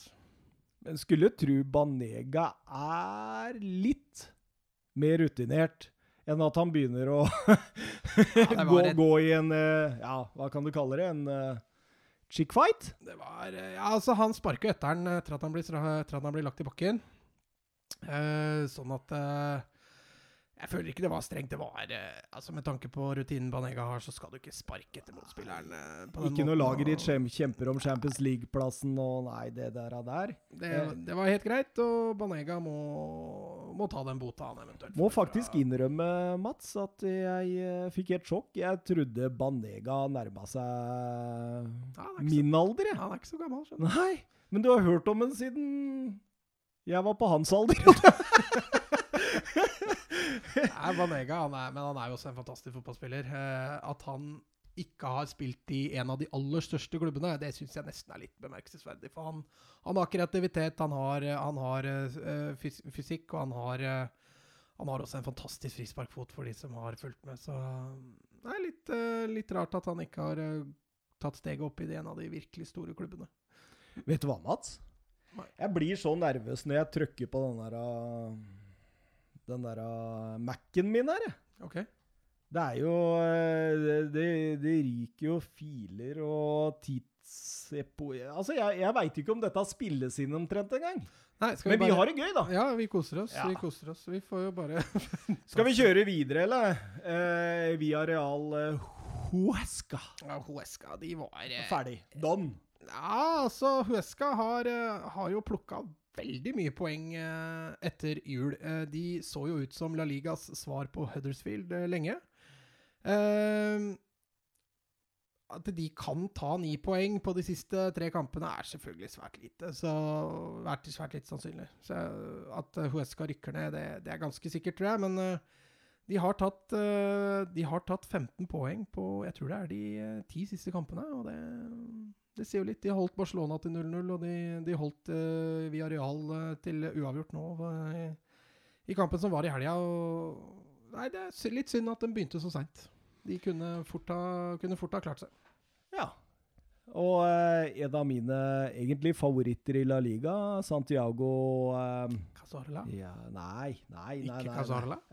Du, det Det var å gå for langt, Mats. Cas Carzorla? Nei, jeg tenker jo på Caceres, jeg, da. Du Gamle Vélez Sarsfield-spilleren. Ok. Ja, det, det, han, han, er, han er jo unggutt, men han styrer den midtbanen fint, syns jeg. Han, han er liksom Altså, dette her Jeg tror det kan gå langt på han. Cáceres, eh, ja, stemmer. Han eh, spilte jo sentralt sammen med, sammen med Cazorla. Det gikk jo veldig offensivt ut i den matchen i areal, og tok jo ledelsen eh, for så vidt ganske tidlig. Eh, litt urutinert med tanke på at Sevilla fortsatt ikke er helt trygge. At de tillot Huesca å, å utligne der. Det tok jo lang tid før, før utligningsmålet kom, og, og Huesca fikk jo også et rødt kort. Eh, Sa du Sevilla nå, eller? sa jeg Sevilla, da mente jeg Huesca. Unnskyld. Nei, du mente via Ja, unnskyld, da mente jeg via Real. Ja, ja, ja, ja. Sånn kan skje i live podcast. Det er, det er ikke live. Det er ikke live. Vi, vi kan faktisk gå inn og redigere, men det tør vi ikke. Videre Real Madrid, Real Madrido. Rayo Vallecano mot Real Madrid. En livsviktig seier for eh, Rayo Vallecano. Eh, litt åpenbart er at eh, Zidane ønsket å prøve litt, eh, litt andre konstellasjoner. Ingen Benzema, ingen Ascencio. eh, men Modric og, eh, og Mariano Diaz var tilbake igjen. Casimiro var ute, og det- var, det var mye snacks der. Ja, Bale fikk jo sjansen. Ramos, hva driver han med? Han har vært ute lenge nå, så han er fortsatt ikke helt klar igjen. Sikkert mange som ønsker han ute lenge òg. Ja, det kan godt hende at det er noen Liverpool-supportere der ute som ønsker han alt vondt. Eh, men det har gått litt trått for, for Real Madrid i det siste òg. De, de viser ikke på noen som helst måte styrke når de spiller jevnt med Rayo Vallecano. Og Rayo Vallecano kunne faktisk skåret enda flere mål. Eh, Real Madrid kunne skåret et par, dem også, selvfølgelig, men eh, eh, det er ikke noe det er, ikke noe, det er ikke så voldsomt stor framgang etter Zidane har kommet inn. Det man klart og tydelig ser, er jo at Real Madrid er kanskje blitt mer direkte. Men de slipper inn fortsatt like mye mål, og de, de skårer ikke noe særlig mer. Og Nei, altså De må nok forsterke litt i sommer og kvitte seg med litt eh, dødkjøtt, tror- jeg, hvis Zidane skal få, få styr på dette igjen. Nå har hun vel hatt tre trenere i løpet av sesongen. Ja, det stemmer. Ja. De er en av de eh, klubbene med, med hurtig, hurtig bytte. Så det sier jo seg sjøl da at da kan det bli litt vanskelig. og det, altså, Du må starte noe nytt noe tre ganger i løpet av en sesong. Det er ikke enkelt når du liksom altså Ja, så Jeg må jo ærlig innrømme at jeg hadde trua på Lopetegi i starten. Jeg trodde han, eh, han kom med noe, med noe friskt og, og litt annerledes i forhold til det Real Madrid har drevet med tidligere. Han var litt mer possession-orientert, og, og ikke minst så trodde jeg at Isco skulle få en fantastisk sesong. Hvor er Vincent del Bosque? Ja, han er vel eh, snart i grava. Nei da. han er vel kanskje litt for gammel. Eh, men- Han var ute og grava, sa du? Ja, han var ute og grava. Ja, ja, men, eh, men han lyktes ikke, Lopetegi heller. Han fikk rett og slett ikke stjernene til å spille som han ville. Men, men i forhold til Real Madrid nå eh, Nå har jo Benzema vært bra. Benzema, etter at Zidane kom tilbake, ja, for så vidt litt under Solario, har vært, uh, har vært en god goalgetter, rett og slett. Men, men hva tenker du, liksom? uh, Hvor mange milliarder vil de splæsje i år? Nei, Vi får se da når det kommer. Eh, Zidane hadde vel en eh, ønskeliste eh, som besto av f.eks. Hazard, Mbappé, Icardi har jo vært rykta dit. Så vi se. Benzema tror jeg er ganske trygg. Jeg tror de vil satse videre på Ascencio. Og så blir det jo da en, en ledig plass der, tror jeg. Mariano Diaz virker ikke bra nok. Brahim Diaz er vel fortsatt, er vel fortsatt litt for ung, og Lucas Vasques har vel egentlig ikke et stort nok navn til å spille Real Madrid, har han det? Du gud bedre som jeg gleder meg hvis Icardi kommer til Real Madrid. Ja, Altså, nå har Benzema gjort det såpass bra i det siste at det kan vel hende at det bremser den overgangen litt. Men uh, Icardi i Real Madrid tror jeg hadde passa veldig, veldig bra. Jeg er faktisk uenig. Jeg tror det hadde blitt den totale katastrofen. Han drar med seg hun der av Vandanara og hele der bøtteballetten der, og så skal de drive Real Madrid omtrent på egen hånd. Dette kommer til å bli sirkus, og jeg håper de splæsjer en 700-800 mil og går for Icardi. Det hadde vært Åh, oh, Mats! Jeg tror jeg er litt uenig med deg, fordi Icardi er jo en veldig direkte type. Jeg kommer litt tilbake til det når vi skal snakke om Juventus uh, Inter etterpå. Men uh, sånn sett så tror jeg han hadde passa fint i, i, spillestilen til, uh, til Zidane. Så kan vi selvfølgelig, skal jeg selvfølgelig være enig med deg med hun der Bertha Andrassemes at det, det, er mye kaos, altså. men ja. Så det... målet kan jo nevne at siste kampen den er akkurat ferdigspilt mens vi sitter her og prater, og det ble 1-1 mellom uh, Betis og Español. Betis uh, har jeg ikke sittet her og prata med deg, så jeg har ikke fått sett den kampen. Men uh, må jo si at Betis har etter hvert skuffa veldig. Altså, de har en, egentlig en veldig spennende tropp. at ikke de kjemper i det minste om Europaligaen, er, er skuffende. Ja, det er jo midt på tabellen. da. Det er, det, det er egentlig det laget Hvis jeg skulle hatt et favorittlag i La Liga, så tror jeg det hadde vært Betis. Ja, altså De spiller jo altså, på sitt beste, som de spilte på Kamp nå f.eks. Uh, før jul. Så, så var, det, var, det, gøy å se på dem. altså Gå hurtig framover. De, de, kan minne litt, om, uh, minne litt om Arsenal i Premier League med tanke på, på gjennombruddshissighet og, og, sånne ting. Men uh, men de har rett og slett mislyktes uh, de siste to månedene. egentlig har det vært, uh, har det vært tynn suppe. Og det Betis mangler, er jo en spiss som skårer mål. Det, det, blir for mye bom. Og Hesse Rodriguez, som er leid ut fra PSG, han, uh, han har ikke innfridd i det hele tatt. Nei. Nei, men det var jo litt ståa i, i La Liga, da. Barca gratulerer som serievinnere. Ja, Barcelona de tuter videre. Det, det, er litt sånn vært de siste sesongen at, uh, at de, de, har vært solide. Ernesto Valverde har Altså De har fortsatt litt tikk i taka i Barcelona, men uh, de har prioritert å være, være solide, og det, det, resulterer dem på Kampen mot Levante var vel den 20. kampen på rad nå uten tap, så ja, men når ikke Real Madrid gir dem kamp, og Atletico Madrid er sånn passelig, så, så, er, så er, det, er jo, det, er jo, avgjort ved jul, egentlig, da. Ja, jeg var jo for så vidt der når Real Madrid eh, og Lopetegi-prosjektet gikk eh, sidelengs, så så var det fritt fram for Barcelona. Atletico Madrid de er også vært litt ustabile i år, og da, da blei det litt da blir det litt for enkelt, rett og slett, for, eh, for Barcelona. Selv om, eh, selv om, Atletico Madrid skal ha skritt. De ligger jo an til å komme over 80 poeng i år òg. Det, det, er en prestasjon det Atletico Madrid og Simione gjør år etter år i La Liga. Altså. Men du, Mats. Mm -hmm. Mm. Nå begynner vi å nærme oss timen her. Oi. Ja. Eh, Har vi hatt pause? Jeg, jeg, tror vi går veldig raskt gjennom Serie A. Det kan vi gjøre. Vi kan begynne med Roma Cagliari. En veldig underholdende kamp, om jeg må få si det sjøl. Eh, Roma tok tidlig ledelsen.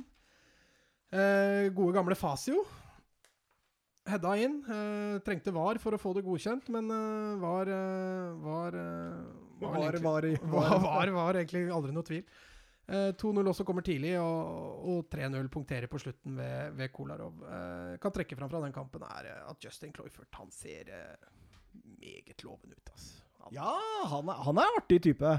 Altså, Hurtig og Han har en voldsom hurtighet og, en, og er veldig gjennombruddshissig. Uh, Ikke veldig lik sin far, som er så gammel at vi husker han. Ja, altså han, Cloy Patrick var jo, mer en, var jo mer en midtspiss, men også han hadde jo mye tempo. Eller i hvert fall litt tempo. Uh, så han sa jo kanskje tempo som sin hovedstyrke.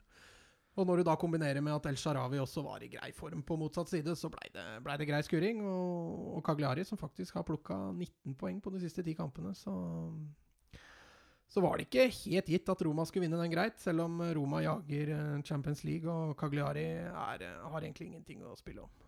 Jeg tror vi bare durer videre. Litt sånn tidspress. vi, vi det, Dette er jo første gangen. Ja, ja, ja. Nei, vi durer videre. Uh, Bologna-Empole, det endte 3-3. Nei, unnskyld, 3-3. Endte 3-1. Ja da! Fullt fortjent seier. Bologna ja, tidvis kjørte over Empoli. Uh, Empoli fikk, uh, fikk, en redusering, og jeg følte at Mihailovic, treneren til Bologna, ble litt stressa, men to litt sene mål, og det, det var grei skuring. Inter Juventus 1-1, den skal vi jo gå nærmere inn på seinere. Ja, det er jo én av to hovedkamper. Stemmer. Så eh, vi hopper eh, bukk. Vi hopper bare bukk. Ja. Um, da hopper vi til Frosinon mot Napoli. Napoli som er ute etter å sikre, sikre sølvet. Frosinon som er så å si klare for uh, Serie B. De tapte fullt fortjent. uh, 0-2 hjemme mot Napoli. Kan nevne en vanvittig dobbeltsjanse fra den matchen, hvor Kaja først skyter i stanga, og så kommer returen ut til, til Fabian Louis, var det vel, som deretter skyter i tverrleggeren fra tre-fire meter. Han tok en Shane Long. Han, eh, han kjørte en Shane Long. Men, eh, men eh, Napoli hadde, hadde grei kontroll i den kampen og, og vant fortjent. Og ja, skal vi ikke akkurat eh, dele ut det seriesølvet til, til Napoli helt ennå, men Du, Mats. Mats, Mats, Mats, Mats altså. Mm. Allerede der skiller vi oss ut fra andre podcaster, for nå tror jeg vi har nevnt Shane Long fem ganger. ja. Det, vet du hva? er Det, det er ikke mange podcaster som gjør, altså! Nei, Shane Long, dere! Shane Long blir- Ja da. Nei, vi, vi kjører. Vi Ja, kjører. nei, vet? Vi, vi. Kan jo bare kjapt nevne da at Napoli nå har åtte poeng ned til Inter, og, og den, eh, den sølvet virker ganske trygt. Ja. Eh, Kievo-Parma, litt kjedelig fotballkamp. Eh, ender 1 ender 1-1. Eh, Parma tok ledelsen der, og Kievo reduserte. Kievo, som er eh, Serie A's svar på Huddersfield, har ikke vært klare for eh, Serie B nesten siden jul. Eh, Parma, som er oppe og blomstrer igjen etter, etter eh, konkursen for et par år siden, de er uh, tilbake igjen i, i Serie A. Og ja, de er ikke helt safe, men uh, ser ut til å overleve. Spal Genoa, litt samme kategori. Litt kjedelig kamp. Ender 1-1. Spal og Genoa, begge to kjemper jo litt, litt mot nedrykk. Genoa er er eh, seks poeng unna Erik, men med det poenget der så, så er det vel greit. Og Spal eh, overlevde når de fikk det, det poenget, så der fikk vel begge lagene det de var ute etter. Eh, Sampdoria Lazio 1-2. Eh, Lazio, som med seier der, eh, er litt tilbake igjen i kampen om, eh, om Champions League. Eh, gode, gamle Quagliarella utligna for uh, utligna, Nei, ikke utligna, reduserte for Sampdoria på slutten. Mens uh, Filipe Caicedo uh, skåra målene for, eh, for Lazio. Er det han gamle City-spissen? Ja, det er Det det. er helt riktig. Han, eh, han får det til i, i Lazio. Ja.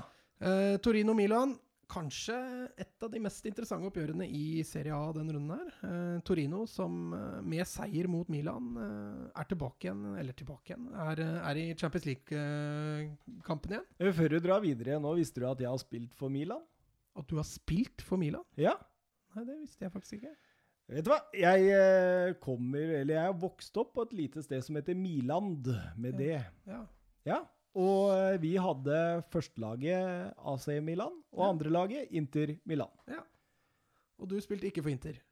Eh, Nei, Nei. jeg spilte for AC Milan. Ja. Det, det er i hvert fall sånn jeg husker det, men jeg tror vi var sånn bitte små unger. Jeg tror ikke vi hadde første og annet lag. Jeg tror det bare var liksom sånn Det var- Du, Men, du var eh, ikke før Dugari og, og Maldini, altså? eh, Ja, le, ja Eller altså, Maldini, han var vel kanskje der, da? Maldini er på min alder, er han ah, ikke det? Okay. Nei, han er mer enn meg, mer, mer, du. Ja, han er ikke han godt over 40, ja? Nå må du skjerpe deg, Mats. Nei, men uh, Milan eh, Ja, altså Før runden så lå Milan på fjerde. Eh, nå ligger de på sjuende. Torino vant 2-0. Eh, for så vidt fortjent. Torino ville vinne mer enn Milan ville. Unnskyld. Torino ville, ville vinne vil- vil- mer ville, vil- enn det Milan ville. Ja. Og Milan fikk i tillegg eh, et litt unødvendig rødt kort eh, på slutten. Men det jeg også kan nevne der, er jo det at Bakayoko, denne Chelsea-spilleren, han, eh, han imponerte. Han virka å finne litt seg sjøl igjen i Milan. og Ja, har jo også vært tidligere vært rykta at Milan nå ønsker å, å kjøpe han på permanent basis. Spørsmålet er om de får gjort det hvis det ikke blir Champions League nå. Det får jo tiden vise. De, de datt jo nå plutselig litt ned. Roma ligger nå altså da tre, nei, unnskyld, to poeng foran Milan uh, i den kampen om Champions League. Nå har vel Atalanta også vunnet i dag, hvis ikke jeg tar helt feil. De jo, spilte jo også mens vi starta å spille denne podkasten her, og hvis Atalanta vant, så, så er det Atalanta som har den eh, fjerdeplassen, faktisk. De eh, vant 2-0 over Odinese. Kampen er jo for så vidt nettopp ferdig. Ja, da er det Atalanta som, som ligger på fjerde med, med 59 poeng, og Milan har da tre poeng opp til, eh, opp til Champions League. Og de, har, de ligger jo for så vidt A-poeng med, med Torino, da, som, som innehar den foreløpig siste Europaliga-plassen. Men eh, jeg må jo si det hadde vært veldig hyggelig om AC Milan kom tilbake igjen i Champions League også. Det har vært, det har vært et lite savn. Jeg er egentlig litt motsatt av deg. Altså, jeg skulle gjerne sett Atalanta, for jeg syns det er det mest spennende eh, liksom sånn ny, nykomponert Altså, det er, det er veldig mye spennende i det laget.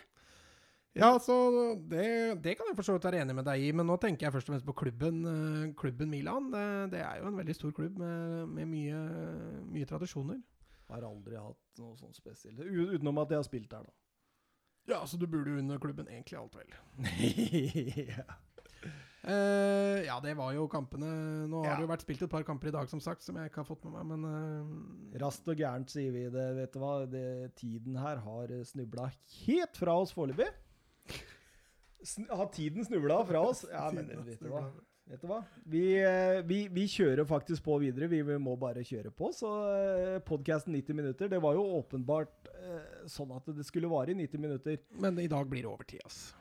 Eh, Ekstraomganger og straffekonk, og det kan fort bli det. altså. Men, ja, ja. men vi ser han, vi ser han, og så drar vi på videre. Da var det Bundesligaen. Der Bundes. Der Bundesliga. Der og det Augsburg mot uh, Leverkosen. Uh, et Leverkosen uten Leon Bailey, som uh, pådro seg en strekk i forrige runde. Eh, Augsburg hadde trolig redda kampen redda plassen før kampen. Mm. Eh, så Ja. Det er jo mye spennende i, i, eh, i eh, Leverkosen-laget. Syns vi kan finne Det er mange både kommende stjerner og gamle stjerner i det laget der, altså. Du tenker først og fremst på Julian Brandt og Kai Havertz? Ja, Jonathan Ta, ikke minst. Han, øh, han har jo vært øh, linka hit og dit i flere sesonger, egentlig. Eh, og så har du jo Sven Bender, da. Gode gamle. Ja, ja. Og så, vet du hva? Eh, Kai Havertz tror jeg er en av de som imponerer meg mest for tida. Okay. Ja, jeg syns han er han eh, Altså, vet du hva? Jeg tør nesten å vedde på, vedde på, vedde på, på at, at innen tre år så spiller han en av de i La Liga eller Premier League. Oh. Og det samme gjelder egentlig Julian Brandt. Hvilken av klubbene tror du han passer best i? Ja? Julian Brandt går til eh, Liverpool. Det er jeg nesten sikker på. Altså den uh, Klopp-greia der. Han har jo prøvd å kjøpe den nå i tre sesonger på rad eller noe sånt. da. Ok. Havertz, da? Eh, eh, det er fort Arsenal. Fort Arsenal. Merk mine ord. Du hørte det her først. Du hørte det her først, ja. Ehm, 1-0 til Augsburg, faktisk. Kevin Danso uh, på corner nikker inn. Eh, 1-1. Kevin Vollan. Uh, han er jo også en gammel, god, kjent eh, målskårer. Slått eh, gjennomspill på. Bankeren banker i mål eh, fra skrått hold. Eh, Kai Havertz gjør eh, 2-0. Nydelig vipp. Altså, vet du hva? Den skåringen der, den den var syk, den. For han, han når den akkurat i forkant. Du, du klarer ikke å se, jeg sitter og gestikulerer sikkert, men han når den rett foran uh, midtstopperen. Og så får han en sånn vipp på første touchen som gjør at han daler elegant over keeper og inn i hjørnet. Eh, rett og slett en fantastisk scoring. 3-1 eh, Jonathan Ta, og da var det jo dødball, selvfølgelig. Selvfølgelig. Før El Maestro à la Kopp Kopp à la Klopp eh, i Kopp. Nei, nå blir det gærent her. Eh, Julian Brandt eh, eh, setter den til eh, 4-1 på slutten der, og det, det var jo egentlig aldri noe kamp eh, etter hvert. Nei, det resultatet blir 1-4, så er det som regel eh, fortjent. Peter Bosch eh, har jo noe å bevise i, eh, i Bundesliga. Eh, det sa han jo når han tok over i januar også, at eh, jeg har eh, mye uoppgjort der. Og det sier jo seg sjøl etter den fadesen i Dortmund. Mhm. Eh, apropos Dortmund, over til De Ruhr Derby. Det er, det, er, det er et av de største hatoppgjørene i Europa, visste du det? Nei, ja, altså visste, visste, visste at det var et stort hatoppgjør, ja. Ja, det- det var Jeg visste ikke at folk har målt det, da. Nei, altså Altså, publikum øh, Altså, det var jo ultrasgrupper som dro den veldig langt der, da, med å kalle Borussia Dortmund for en gjeng med queers. Ok. Og øh, Schalke-fansen svarte med å hylle han som bomba bussen deres før det Champions League-møtet her. Ja, Eh, den- fri, den, frihet til han står utover hele på banneret. Frihet til Sergej V. Tenk om det hadde ja. Tenk om det har skjedd i Norge, da. Uff a meg. Ja, nei, det ja, og, og, det var jo en viss forventning eh, til denne matchen her. da. Fjor, fjoråret så, så leda jo Dortmund 4-2 før eh, Aubameyang fikk et klønete rødt kort, og det ble 4-4 til slutt. og det var, det var, jo liksom en kamp sånn man kunne se på at eh, det, det, var potensial for en ny klassiker, da. Og det blei det. Ja, noe så voldsomt. Skal vi gå gjennom skåringene, eller hva tenker du?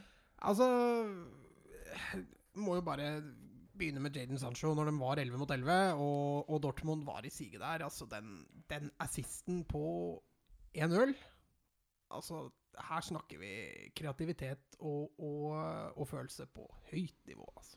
Selv om vi har gått litt over tid og sånt i forhold til sendeskjema, sånn, skal vi bruke et minutt på Jaden Sancho?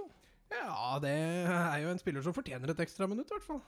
Ja, eh, vi sa på skøy en blanding mellom Stirling og Jorente her, her om dagen, men eh, altså Jorente? for skøy. Å oh, ja, for skøy. Ja, ja. Men det er vel en blanding mellom Savi og Stirling, hvis du så på den pasningen der? Ja, den pasningen der kvalifiserte til, til, noe mer kreativt, i hvert fall. Uh, han har jo mye assist i år, men det har jo gjerne vært ved at han har dratt seg ned og så, og så slått inn igjen. Uh, den, den pasningen til Gutset der, det, det, er det så høy kvalitet over at uh, Altså Hadde han prøvd å gjøre det igjen, så er det faktisk ikke sikkert han hadde greid det. Altså, selv om han hadde fått ti forsøk. Jeg tror Jaden uh, Hvor tror du han spiller neste år? Tror du han fortsetter? Jeg tror han er i Dortmund et år til. Uh, ja. Så får vi se. Men jeg tror nok veien tilbake til Premier League uh, er forutstående, i hvert fall i løpet av halvannet års tid, tenker jeg. Men Guardiola kan vel ikke snappe den, fordi Stirling er jo ikke like god på venstre? Nei, altså Blir det Manchester United? Ja, altså, ja det kan det jo selvfølgelig bli. Men uh, Dortmund kommer jo ikke til å selge han billig. Så det må jo bli en klubb med litt uh, muskler. Da blir han ødelagt i Manchester United. Nei, nå skal ikke jeg få United-folket på 1-1, uh, um, da. Rett etter 1-1. Og det var jo uh, Caligiuri. Ja, det var vel en straffe.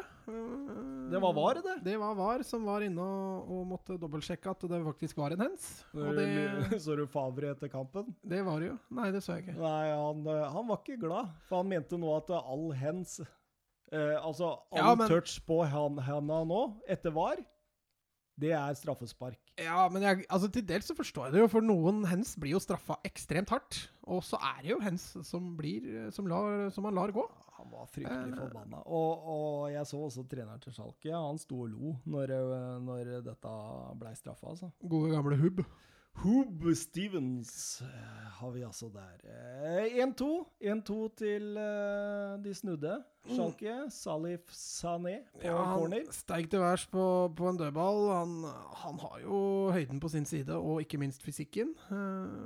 var en fin heading. Bra slått ja. dødball. Og da prøver Dortmund å gire litt om igjen, og så går det litt i hodet på Marco Royce. Ja, det gikk jo litt i hodet på flere. Den, den til Royce, den, den syns jeg er faktisk litt billig. Ja, syns du det? Eh, jeg syns han mangler litt fart til å kunne få direkte rødt på den.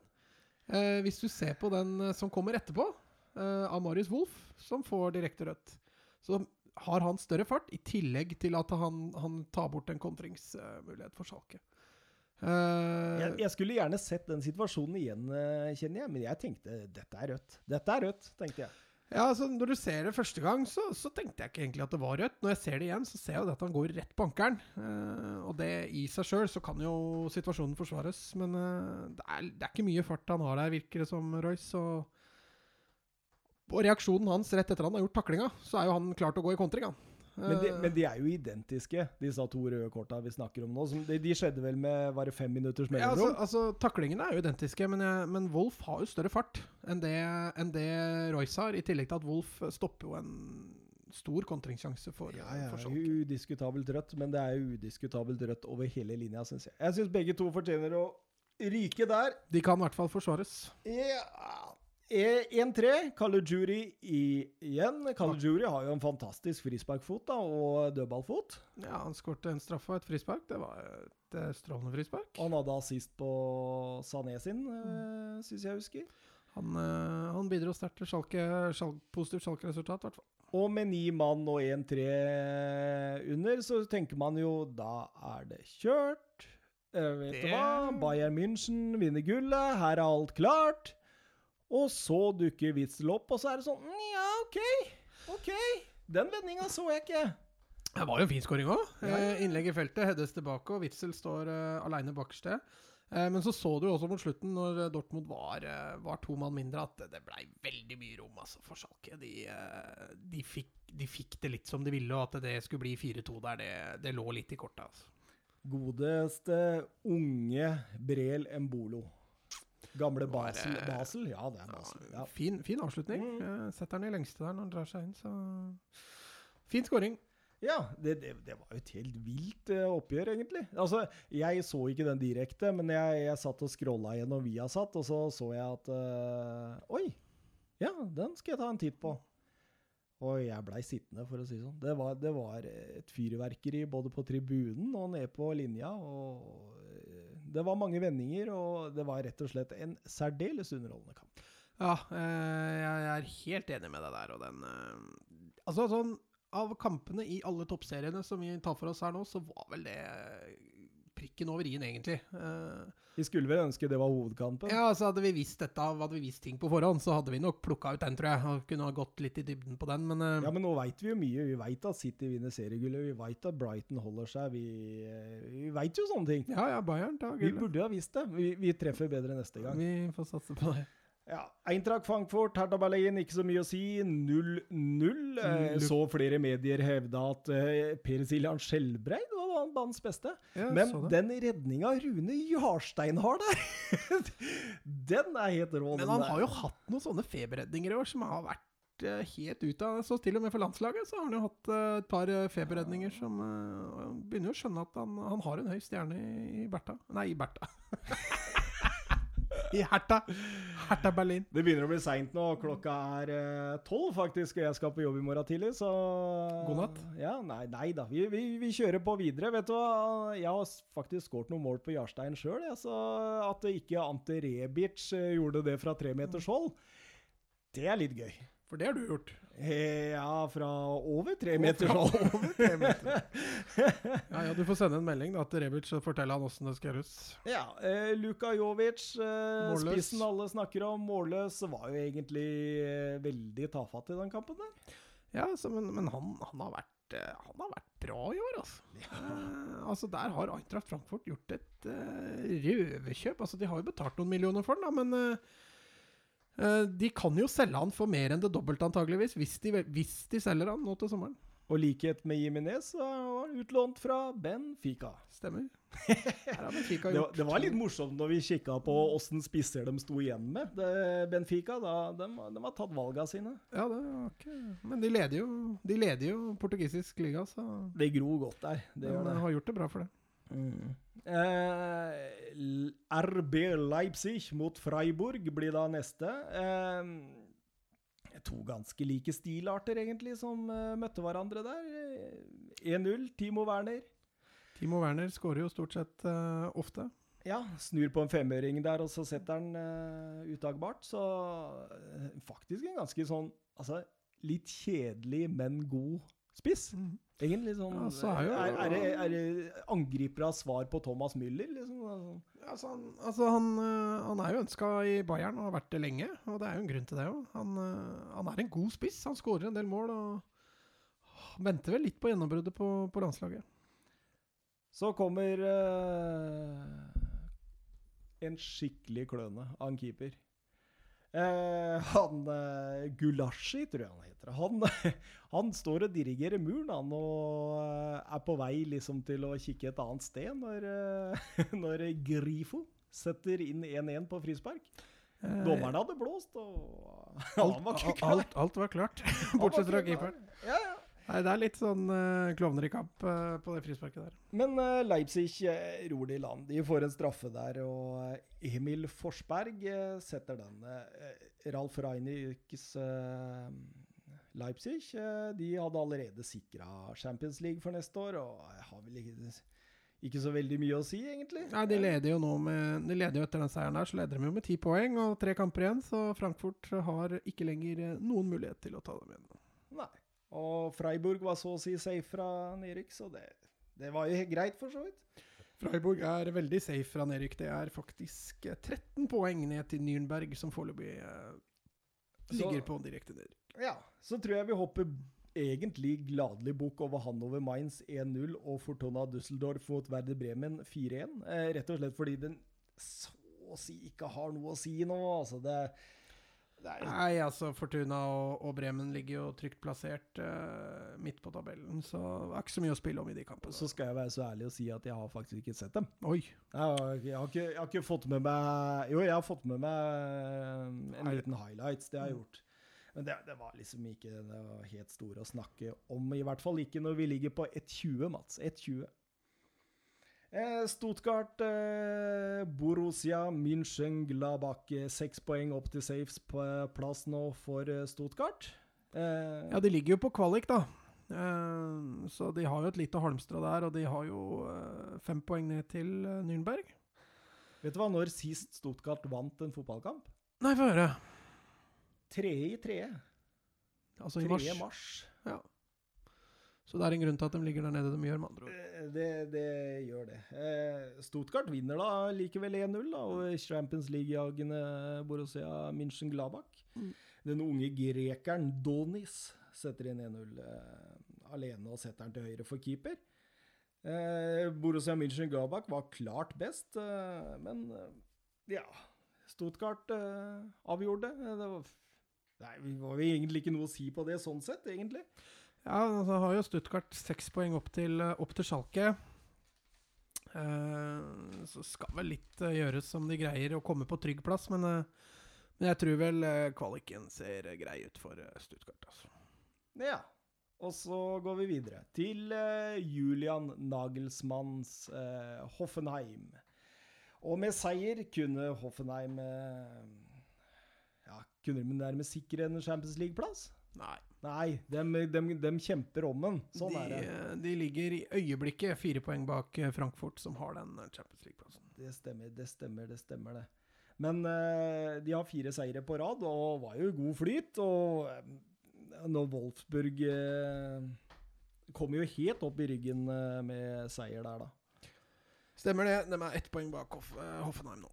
Ja, det, det var også VAR var i bildet der, men eh, det var 1-0 med Zalai. Han eh, var første stolpeløp som han satte inn. 1-1 William. eh, Nydelig fra 16 i lengste. Oi, spilte ikke han for Chelsea? William. William? Sa jeg William, så er det litt Premier League Ja. Wout Wigorst eh, 1-2. eh, Maximiliano Arnold eh, 1-3. Wigårdst med assisten der etter en kontring. Altså, det var jo to kontringer på slutten her. Som, eh, fordi kampen var jo mye, mye jevnere enn 1-4. Eh, Wigorst igjen eh, til en overgang 1-4. Eh, ja Nei, det er vel ikke så mye å si. Altså, på slutten så tømmer Hoffenheim seg helt. Altså, Nagelsmann han uh, kjører dem opp, og uh, de blir kontra i senk til slutt. Jeg husker jeg hadde en liten studie på Nagelsmann da jeg var litt, var litt yngre, og, og, og hadde trenerkurs. Og det som var litt uh, Som er veldig Nagelsmann, det er å forsvare seg ekstremt smalt. Bekker nesten som fjerde midtstopper. Ja. Eh, det så du også da når de møtte Liverpool for var det fjor, var det det? Der de fikk juling. Ja, da de fikk skikkelig grisebank. Og det var ikke så rart, for Liverpool er jo best rundt bekkene og, og fram på kanta. Så. Men Nagelsmann, gammel er han nå? 30? Ja, det er ikke noe mer. Han, eh, han har fortsatt en lang trenerkarriere igjen, så hvis han gidder å være med videre Det er flere i Bundesliga som er ganske unge. Det er blitt litt Det var mer trend nå. Enten veldig unge eller veldig gamle. Det er liksom, det er ikke måte på, liksom. Ja, nei, men eh, Nagelsmann han eh, kommer vel etter hvert til å ta over en større klubb, tenker jeg. Han går jo trappetrinna. Han, eh, han, er en dyktig trener, det er ikke noe Det er ikke noe å legge skjul på det. Og så var det Bayern München da, som fikk tidenes gave av Schalke med Tok å de, slå Borussia Dortmund. tok de vare på den? Nei.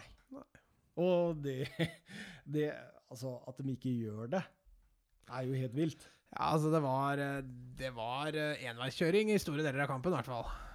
Ja, ja, helt klart. Eh, Helt klart. Og um, Det var ikke helt ufortjent heller at Nürnberg får en scoring. Men vet du hva jeg tenkte når jeg så den kampen? Før jeg? Jeg tenkte City mot Burnley. Ja. Det var litt sånn samme opplegg. Ja, og det det var godt to, to stoppere der som sto og tok imot han Everton og han Mul. Mul. De sto og tok imot, og de forsvarte den boksen iherdig. Det kom mange innlegg, og særlig den venstresida med, med Koman og eh, godeste Hva er han heter igjen, da? Oi, oi, oi, oi, oi, oi. Snakker du om Nürnberg, eller? Nei, du veit jo hvor K-mann spiller, vel? Ja, ja, ja. Alaba tenker du på. Alaba Ja, okay. tenker jeg på. De kommer jo hele tida. Mm. Men eh, Lewandowski var iskald. Han eh, vant ingen, omtrent ingen dueller inni der. og hadde Nesten, altså det var ikke Sier man, som- sier man iskald når man vinner uh, ikke dueller? Sier man ikke iskald når man skårer uh, mål? ja, man kan, han, han kan i hvert fall være kald hvis han ikke Ja. er i nærheten av noe. Okay. Om det er iskald, da det, det, det. Eh, Klokken er Nei, vet du hva? Eh, Skal vi runde av Bundesliga der? Ja, det kan vi for så vidt eh, gjøre. Vi kan jo avslutte med at eh, kampen om seriegullet fortsatt lever, i og med at uh, Nürnberg eh, Ja, fordi altså Borussia Dortmund må fortsatt vinne på gru, og, eh, og eh, på grunn av målforskjellen. det, Så det gjør at egentlig at det poenget der Det har ikke så veldig mye å si, så sant ikke Altså, Bayern har jo bedre målforskjell, så de, de klarer seg jo antageligvis med to seire og en uavgjort, selv om Dortmund da skulle vinne resten. Ja. Eh, det vi kan nevne, er jo det at eh, Bayern eh, Bayern har eh, faktisk eh, to tøffe kamper igjen. De har Leipzig borte, og de har Frankfurt hjemme i siste Siste seriekamp, så det kan jo hende at vi får en, får en skrell. Men Dortmund har jo vært litt shaky, dem også, i, i det siste. De har, ikke, de har ikke vært så bunnsolide som de kanskje burde være. Men eh, de har Ja, de har, eh, de har eh, kanskje litt lettere, men ikke, ikke mye. De har Bremen borte neste, og Düsseldorf hjemme. Og så avslutter de med Gladbach borte i siste serierunde. Så jeg veit ikke om vi skal være så freidige. og Gratulerer, Bayern, med vi, vi begynner å få en tendens å, å forutsi alt, så ja. Skal vi gjøre det? Gratulerer, ja, Bayern München. Nei, men altså, de, de er jo mer solide, så det. Sannsynligheten er stor, da. Jeg, jeg, Men jeg, jeg skulle jeg satt penger, så tror jeg jeg satt det på Bayern. Og skulle jeg satt hjertet mitt, så hadde jeg satt den på Dortmund. Faktisk. Ja, men det er kjipt å miste hjertet sitt. da. ja.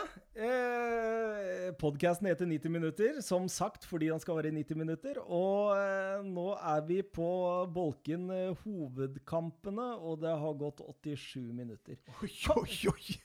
Kanskje vi klarer det på ekstraomganger hvis vi er litt sånn Ja, la oss Og si straffespark? Ja, altså Hvis med straffespark, da, så er det jo kanskje da 130 minutter, da. Det kan gå. Mm, Det kan gå. Ja, da, bare, da må, vi, da må vi sette i gang, Mats. hvem, eh, hvem av de to kampene begynner vi med? Vi må, siden vi begynte i Premier League, så fortsetter vi med Premier League. Så United-Chelsea der, altså. Ja! Den satt vi og så sammen. 1-1. du, eh, du ro. Der var vi ferdig. da rekker vi det før eh, Nei, det var Altså, det var Første omgang den var, Vi begynner selvfølgelig i første omgang, og den, eh, den var interessant. ja, Der var, det, altså, der var en del å ta tak i. jeg, jeg tenker jo liksom det at eh, de gikk til den kampen der med at eh, United må vinne.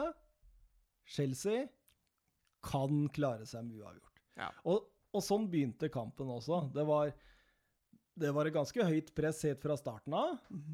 Og, og, og Solskjær hadde tydeligvis snakka om det med å variere f- presshøyden. Eh, som vi var inne på der, så var jo Lukaku og eh, Rashford de var jo omtrent eh, høyre- og venstreback en liten periode, når de ble trykka litt bakover. Men eh, samtidig så kunne de også stå og presse dem på 16. Ja, men altså, jeg, jeg tror gameplanen til Solskjær eh, fungerte i en halvtime. Eh, de første 12-13-14 minuttene så var United veldig gode. Ikke veldig gode, de var gode.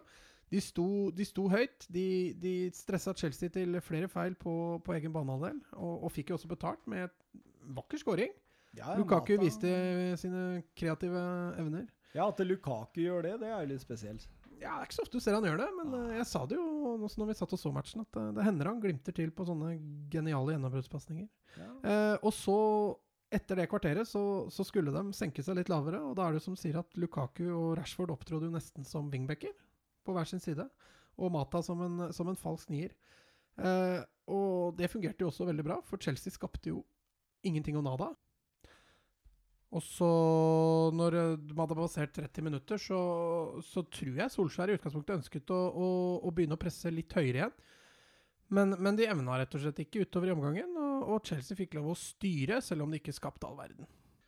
Ja, altså, selv om uh, ingen innrømma det i Chelsea, så, så, tror jeg de var mer enn godt nok fornøyd med uavgjort. Og det, jeg tror de kom til kampen med den uh, holdningen også. Fordi uh, altså de, de, de, lå jo veldig ofte dypt. Og så ligger de med det skjoldet, de tri, trioen på midten. Kovacevic, eh, Kanté og Orginio. Og, og, de blir ikke veldig mye med fram, med, kanskje med unntak av Kanté, da, som ikke har eh, noe offensive kvaliteter i det hele tatt, vil jeg si. Han blir jo brukt feil. Ja, altså han, han, han gjør seg litt bort som en, en indreløper, og du, vi nevnte jo det flere ganger de gangene han fikk ballen inn i 16-meteren, at der er det feil mann som får ballen. Eh, for det, det, skjer jo ikke noe mer rundt han. Uh, og når du ser kampen under ett, så ser du at Chelsea skaper jo fryktelig lite i den kampen. Altså. Og den andre omgangen, den er dørgende kjedelig. Altså. Og Chelsea skal takke seg, prise seg lykkelig for at DGA fortsatt ikke er, eh, er tilbake igjen i, i sitt gamle S. For, for en tabbe! Hæ? For en tabbe! Ja, Hva han driver med nå, det hva var det Alsaker sa underveis i kampen? Eller var det, var det Myhre at han hadde 100, 113 kamper eller noe sånt nå uten tabbe, og så på de fire siste kampene så har han hatt tre store tabber. Så altså det er De spekulerte jo litt i at det også kunne være lønnsforhandlinger, men eh, jeg sliter litt med å få det til å stemme òg. At, det liksom, at, at det bare skal sitte mentalt. Da. Altså Etter at det har kommet én tabbe, så det, De beste keeperne reiser seg jo igjen etter det, men når det kommer to og når det kommer tre, så, så tror jeg ja, altså selvtilliten Han har da vært i kontraktsforhandlinger før. Han har til og med vært eh, høyaktuell for Real Madrid, men det har jo ikke påvirka spillet jo, jo, jo, det var ikke det jeg mente. Jeg snakker om selvtilliten hans. Altså Når du har gjort to-tre tabber med, med eh, kort, uh, kort mellomrom, så så, så, er det kanskje ikke like lett å reise seg. Men, men som du også sa, når du redda den helt på slutten der, når Chelsea kommer igjennom der, det ser jo nesten ut som han gjør seg liten. Altså. Han, han, han snur kroppen sånn halvveis til der. og Det er et eller annet med keeperspillet til DGA nå som, som overhodet ikke stemmer. Ja, altså, jeg husker en fotballkamp jeg så. Eh, Tyrkia-Norge. Norge hadde sjanse til å gå videre til sluttspill, og Thomas Myhre gjorde en tabbe. Så husker jeg diskuterte med min far at eh, han var veldig sånn bytten ut, bytten ut! Han, sitter mentalt, dette greiene her. Og så klarte vel Thomas Myhre helt på egen hånd å, å, gjøre at Norge ikke nådde det sluttspillet, så vidt jeg kan huske. Det var vel én eller to tabber til. Ja, han hadde, han hadde det fryktelig med kvalifisering, den der. Nå, nå, var ikke jeg så gammel når det skjedde, men uh, jeg husker de tabbene han hadde. Det var vel på en tilskuerløs alena i, i, Tyskland, hvis ikke jeg husker rett feil. At Tyrkia og Norge møttes, og han hadde vel to store tabber i denne kampen. Ja, det var, det var voldsomt. Men det, men det, sier jo litt at det, altså Når en keeper gjør en tabbe, så får det så katastrofale følger. Ja, det gjør det. Og det er ikke så rart, for da har du kort vei til mål når, når, når tabba skjer, men uh, Og så begynner du å tenke, da. Ja, det, begynner å tenke. Det er derfor jeg sier at jeg, jeg tror at mye av tabbene kommer som en konsekvens av dårlig selvtillit, og ikke nødvendigvis så mye av at han er i kontraktsforhandlinger. Uh, og så tok det ikke mange timene før ryktebørsen gikk, og Jan Oblak skulle til United. Så det er ingen godt tegn på at han spiller i en svær klubb, i hvert fall når du ikke har råd til mer enn det han har surra etter nå. Eh, vet du hva, det er jo bare tull og tøys. De må jo bare gi eh, ny kontrakt og lage en skikkelig legende ut av han, fordi eh, DGA er uh, pure class. Pure class. Ja, altså Hvis du ser alt det som har skjedd før da, de fire siste kampene, så har han jo redda United så ufattelig mange ganger. Uh, nå har han Altså I verste fall nå, da, så kan dette koste dem Champions League. Noe det kanskje ser ut til å gjøre òg. Eh, men, men, jeg tror nok han fortsatt ligger på plussida. Altså. Det tror jeg også fansen og supporterne tenker òg. Men vet, du hva, Mats? Vet du hva jeg reagerer på? Jeg reagerer på intervjuet til Mata etter kampen. hvor han er så skuffa, og laget er så skuffa. Men hvorfor satses det ikke hardere da, i annen omgang? Altså den andre gangen der, altså, Vi snakka sammen om det i pausen og tenkte hvis vi var Solskjær nå, hva, hva burde vi gjøre? Og United trengte jo scoring. Eh, og da var det jo naturlig å tenke at eh, de fortsatt skulle prøve å variere presshøyden, men at de måtte stå høyere oftere. Mm. Og bare ta den sjansen. Eh, Ett poeng her for United, det, det kom, kom, de kommer ikke så mye nærmere at det nødvendigvis var verdt det. Og det var, det var litt skuffende å se at United ikke greide, eller evna, å, å presse Chelsea mer enn det de gjorde. Ja, for du tror det var evnene? Ja, altså, altså Du så jo det på spillere. Altså, det var ikke den oppofrelsen, altså den desperasjonen da, som det burde ha vært i United der. altså Solskjær prater jo mye om det at vi må ha, ha den United-gløden, da, med at vi scorer på overtid, og at vi, at vi ikke gir oss før kampen er slutt og sånne ting. og Det, det så du ikke mye til i går, altså. Selv om de hadde en gigantsjanse helt på slutten. altså. Ja, for hvis du skal si at noen var bedre enn andre i annen omgang, så var jo Chelsea best. Chelsea styrte kampen, eh, og så kan man jo lure på om det var planen til Solskjær, at de skulle kontre, eller om, eh, om eh, United rett og slett ikke evna. Jeg tror egentlig mest på det siste. Eh, Ja, for du kontrer ikke hjemme på Old Trafford når du trenger mål, tror jeg. Da Da, da, må, du, da må du ha plan A, du kan ikke ha plan B og plan C. Og. Altså, du kan ha plan A, plan B og plan C, men, men eh, når verken plan A eller plan B ikke fungerer, da jeg uh... Ja, men det hadde jo fungert i første omgang. Det hadde, de hadde jo et relativt stort press. Det var, det var eh, Altså, da er alt relativt når jeg sier det, for det, det, det, altså, hele kampen sett over ett var jo en jevn kamp, en typisk 1-1. Men jeg tenker jo det at eh, i første omgang der, da hadde de jo kampen i sin hule hånd. Og, og, glem De GA-tabba. Kun det som skjer på matta der, så er det er, jeg, jeg, jeg syns at det var et såpass overtak at de kunne spilt videre på det i annen omgang.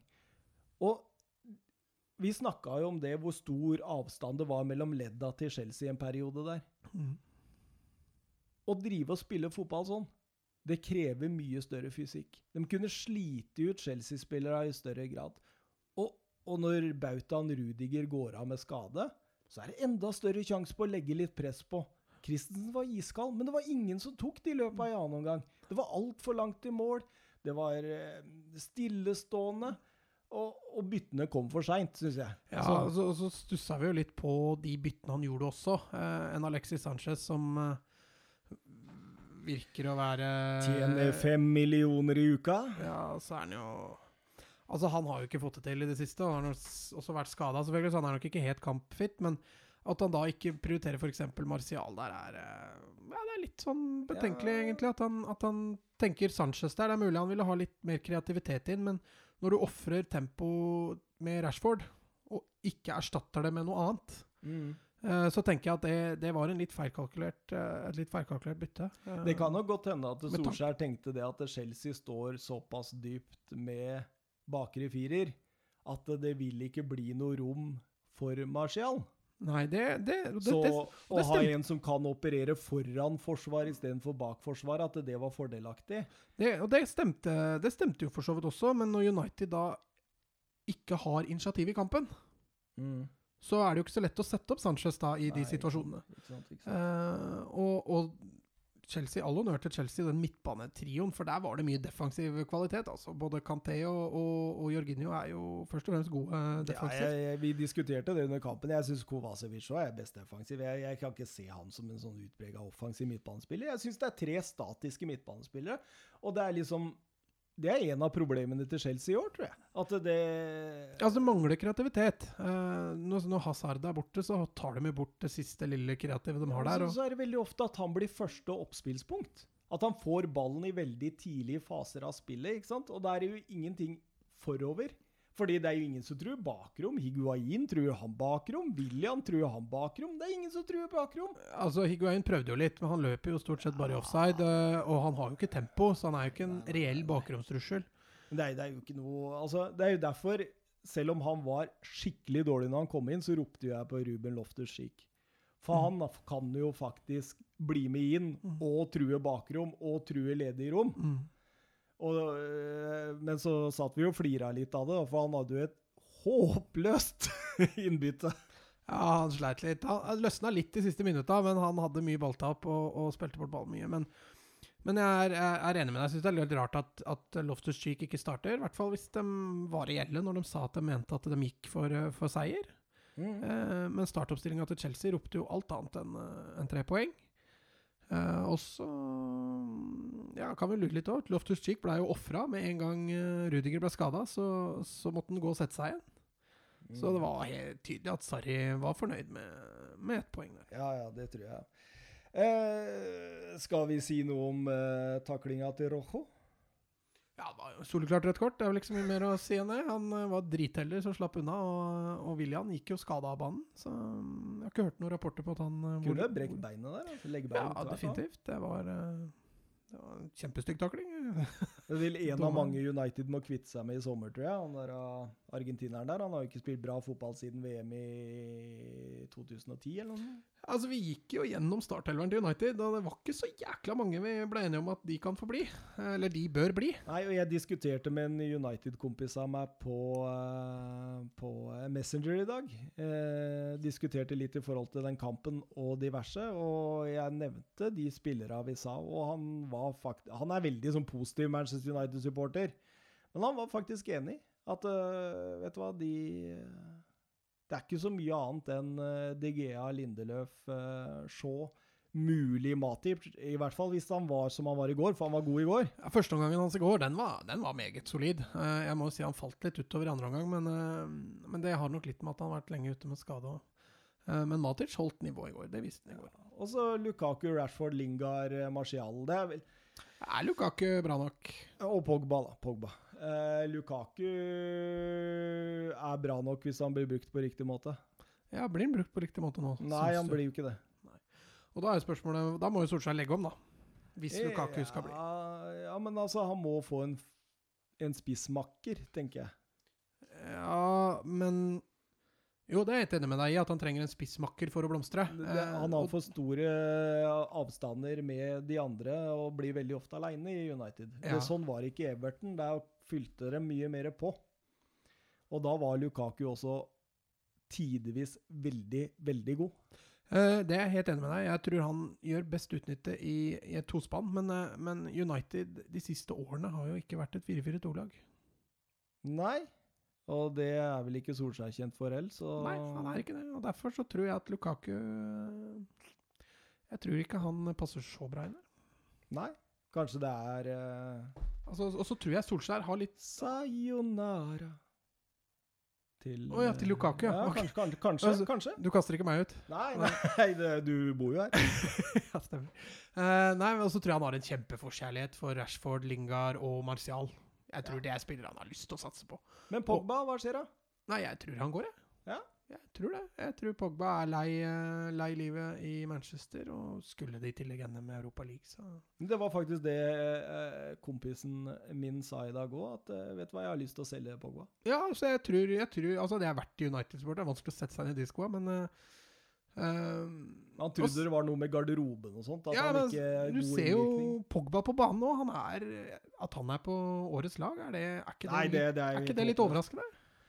Kjøpt og betalt, kjøpt og betalt. Det er, det, går, det er ikke mulig at han skal være på årets lag. Han har vært god i to og en halv måned av de Ja, så han var jo han var kjempebra Ja, ja. når Solskjær tok over. Ikke noe, ikke noe utsette Og på dem. toppnivået hans er jo en av verdens beste. Ja, altså, men, men du så han på kampen i går. Han hadde når, Nei, det var Lukaku det, som sendte han ene ut av banen. Men du ser jo fysikken til Da lo vi. Ja, det var borte. Men du ser jo fysikken til Pogba, og det er ikke lett å dytte han unna.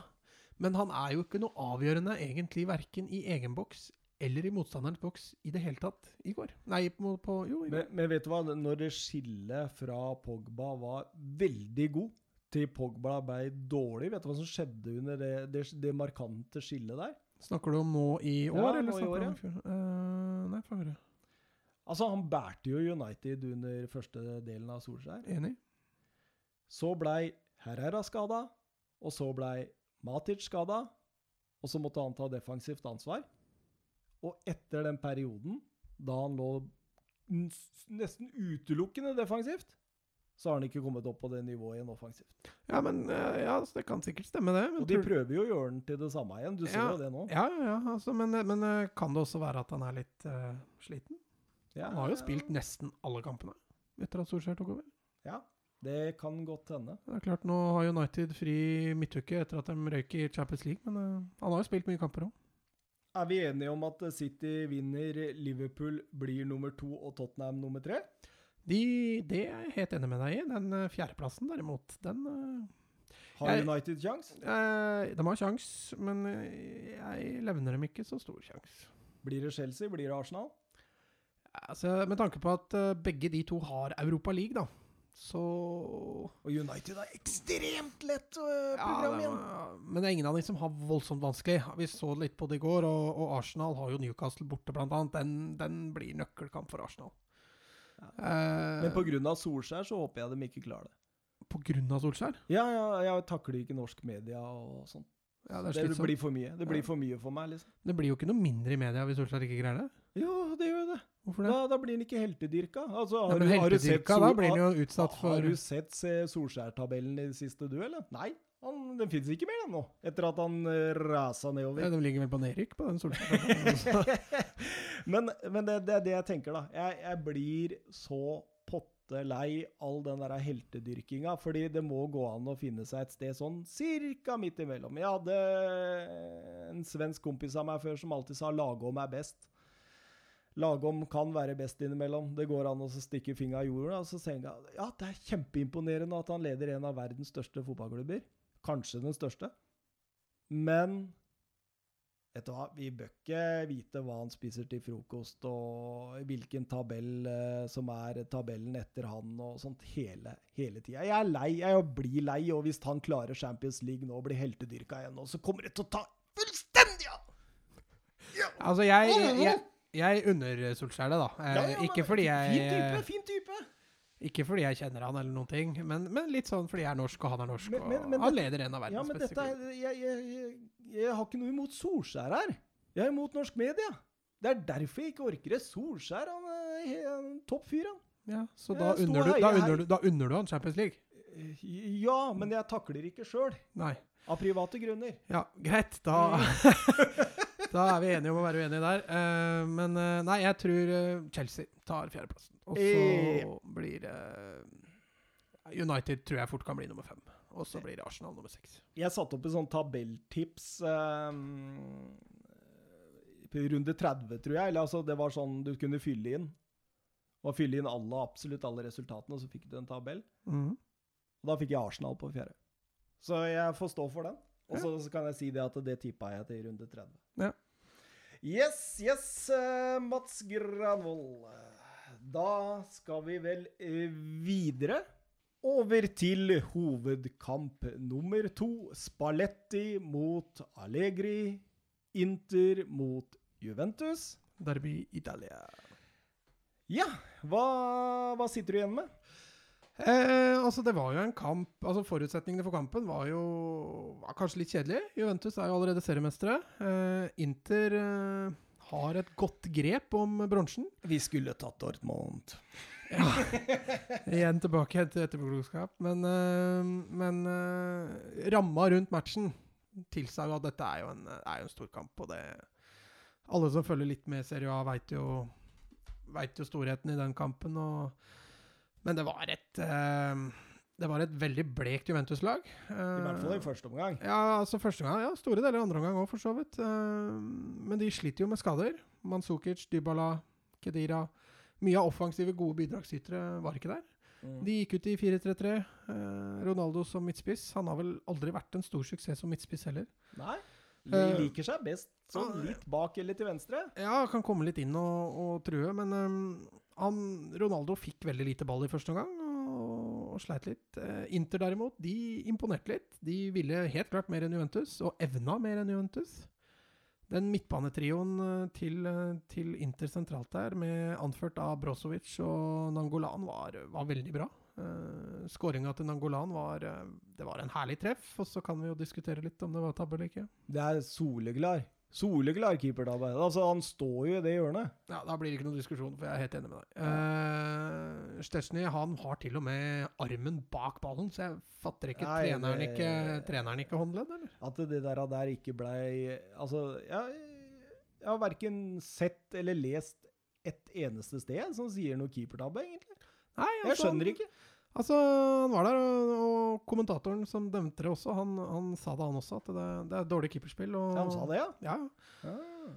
Og øhm, Jeg er enig med deg, det var en keepertabbe, men øh, jeg har liksom ikke lyst til å ta fra det drømmetreffet til Nangola heller, for det var, øh, det var et strålende treff og et øh, pent mål.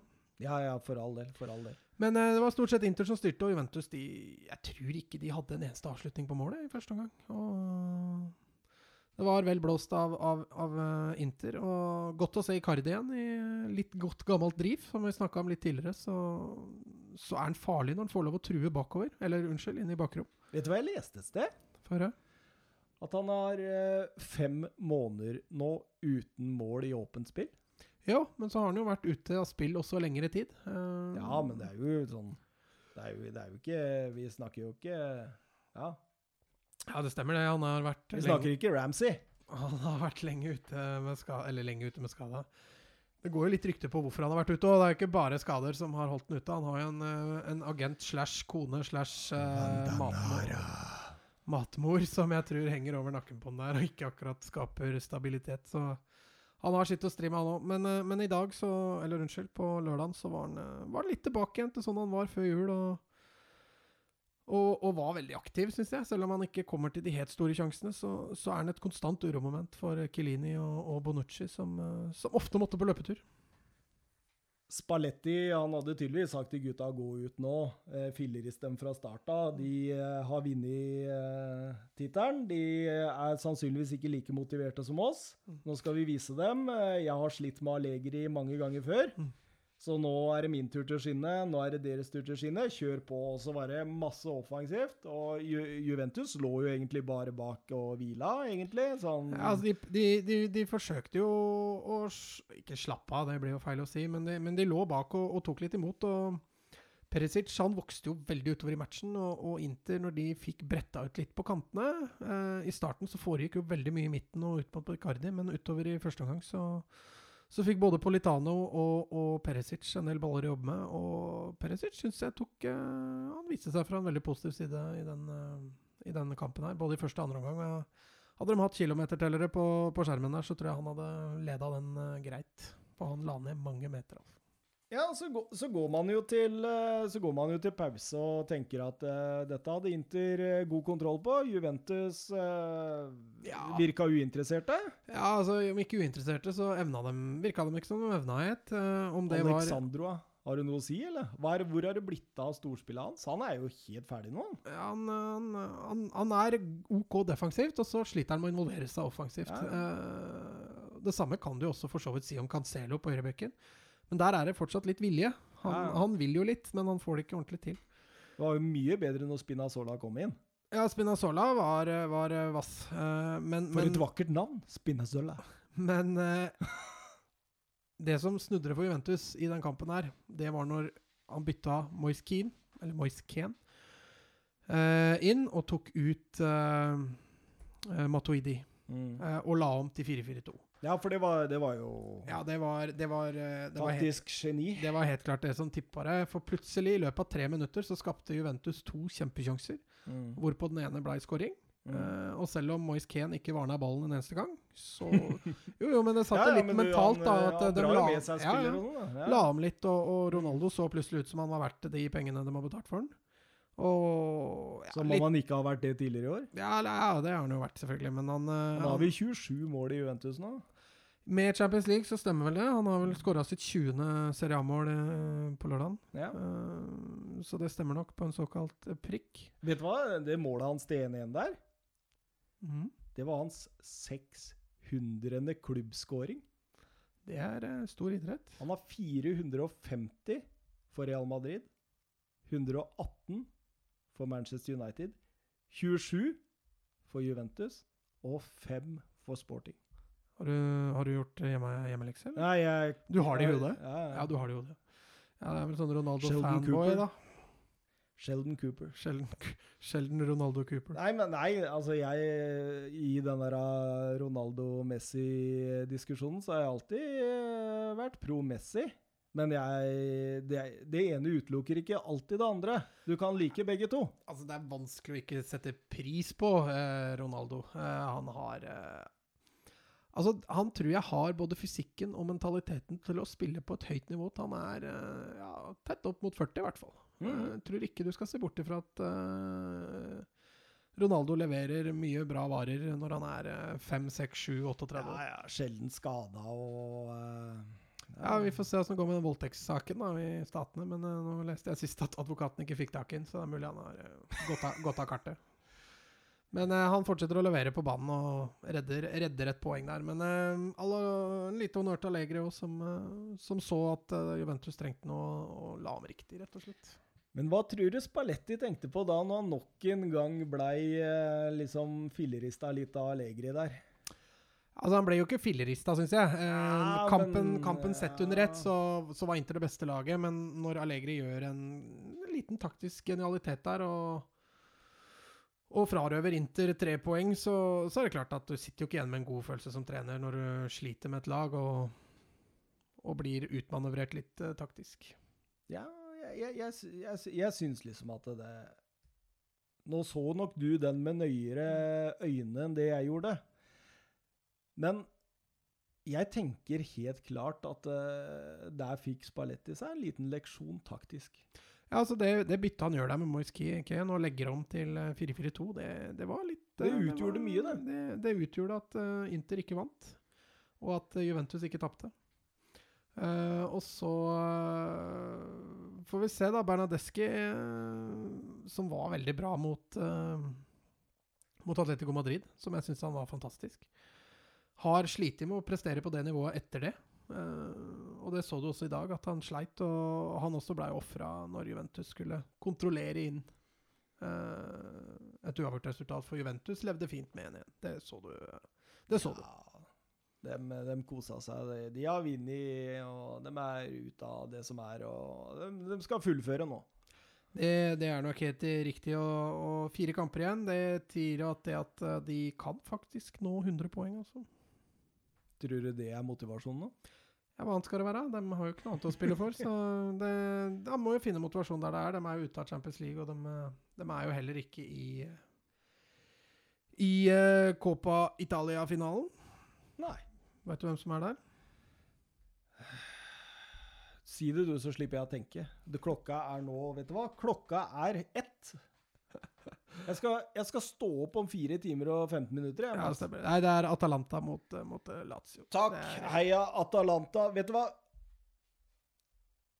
Skal vi gå videre, eller? Ja, vi har jo, vi har jo litt igjen på Mye, mye, mye det, det er noe vi kan sløyfe her, skjønner du. Sånn, eh, altså Ja, men altså Nå er vi ferdig Ja, vi, vi har tre Vi har tre minutter igjen av begge ekstraomgangene. Ja, så jeg er på 117 minutter nå. Ja. Da er det 13 minutter igjen totalt, da. Men spørsmålet da Altså, vi, kan, vi den- kan godt droppe den Chelsea-diskusjonen. Den Chelsea-diskusjonen Vi kan droppe den, vi kan utsette den. Ja, vi kan utsette den til neste uke. Mm. Og så får vi være litt mer taktisk med hvordan vi eh, prioriterer kampene. Ja. Og så sier vi noen ord om den franske cupfinalen. Det syns jeg vi skal unne PSG, altså. Det skal vi under PSG. Ko koser du deg litt, eller? Ja, altså, Det er litt sånn som med deg når det gjelder uh, I Frankrike, i hvert fall, hvor PSG er uh, De dominerer så mye som de gjør, og så, så er det litt hyggelig at andre lag slipper til uh, i Frankrike. Og så er du ikke så glad i Neymar. Eh, jo, jeg har ikke noe mot Neymar. Eh, han er en veldig bra fotballspiller. Ja, ja, jo, for all del.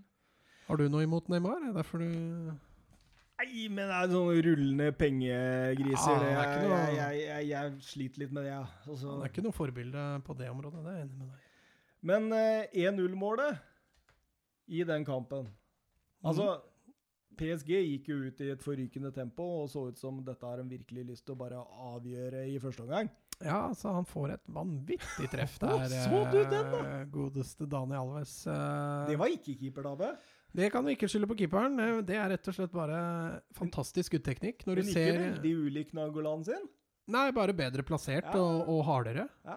Uh, ja, han er vel kanskje litt nærmere mål, da, men, eh, men Men hvis du ser i saktefilm på skuddteknikken til Alves der, måten han senker skulderen på og balansearmen er, er rett ut, så det er et forbilde i, skudd, Ja, skuddteknikk. Altså. Og Ja, absolutt. Når han treffer, eh, treffer hjørnet der, så, så måtte den bare gå i mål. Vi snakka litt om teknikken til Babel når ballen kommer rett mot deg. Mm. Eh, er også en teknikk å følge hvis ballen er litt opp i lufta. Mm. Og litt fra sida. Det er fantastisk. Han, han står jo helt riktig og bøyd over med kroppen, og kroppen i stabil posisjon og stiver av ledd og gjør det som skal til for å treffe den ballen. Det er, det er fantastisk treff. Det er helt nydelig. Og um, Ja, det er andakt og følelse i skåring nummer to òg. det er litt champagnefotball fra, fra PSG. Vinner ballen høyt i banen, og, og Di Maria viser uh, stor kreativitet, som uh, kanskje United skulle hatt nå. Jeg liker ikke Di Maria, eller? Nei, jeg skjønner. Han kan være litt sånn uspiselig Mm. type, men uh, spillestilen hans er uh, Syns jeg er uh, nydelig å se på. Han er, uh, han er fløte.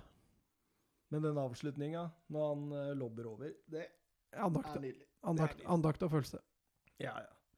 Og da Jeg er ganske sikker på det er mange som slo av, liksom som var litt ja, altså, eh, som slo PSG-fansen slo nok ikke av. Nei, men jeg tenker på de nøytrale, de objektive her. Ja, jeg slo ikke av, jeg heller, men uh, Nei, jeg hadde veldig lyst til å slå av. Men uh, ja, uh, PSG dominerte jo fullstendig og, og leder 2-0, og det, det burde vært kjørt. Mm. Så all honnør til renn og, og jobben som ble gjort mentalt der for å snu dette. Ja, men også ut av ingenting eh, kommer jo 1-2. Corner. Åssen uttaler du det? Kim Pempe? Selvmålet. Ja. Han er litt sånn urutinert, egentlig, i stopperspill, og heade den inn mot eget mål der. Det er litt rotete. Det er litt rotete. Men er det heading? Eh, nei, han tar den med beina. beina. Tar den med beina. Ja. Eh, så han sklir inn der. Men det er klart det er alltid farlig for forsvarsspillere å kaste inn et bein sånn mot eget mål. Eh, du risikerer så mye, og du vet jo, Han veit jo heller ikke hva som er bak seg der. og For alt han veit, så kan det være en PSG-spiller som er bak der. og Men første bud til en forsvarsspiller i den posisjonen der er jo å prøve å få han tilbake forbi første stolpe. Ja, altså, Det er nok det han prøver på. Han prøver nok ikke å skyte en eget mål. Nei, nei, nei det, det sier jeg ikke. Eh, men- men, men han feilberegner kanskje litt, og, og litt urutinert som tar den avgjørelsen han gjør. Og så er det min eh, Fifa-favoritt fra renn. Ja, hører du sier det. Ja, ja. Jeg elsker han på Fifa. Mexer. Han beviste jo det i levende livet nå. Ja, han gjør jo det. Jeg har gjort mye i Fifa med han. Han uh, skårer etter corner, stanger den inn, og det blir 2-2. Og da er jo ble- alt åpent igjen. Da ble det liv i, liv i svingen. Og åssen PSG klarte dette, det kan man jo egentlig lure litt på. Altså nå, nå så ikke jeg hele kampen, men eh, når du har de musklene som PSG har, så burde Tuchel ha greid å, å påvirke det resultatet litt annerledes. Så her bør eh, treneren gå litt i seg sjøl, altså. Ja. For det, du skal ikke rote bort en 2-0-ledelse på den måten der. Men den gikk jo litt i samme fella som, som de gjorde med United. Altså De hadde full kontroll på kampen, men, men gir fra seg initiativet. Og, og greier rett og slett ikke å ta det tilbake igjen. Verken taktisk eller fysisk.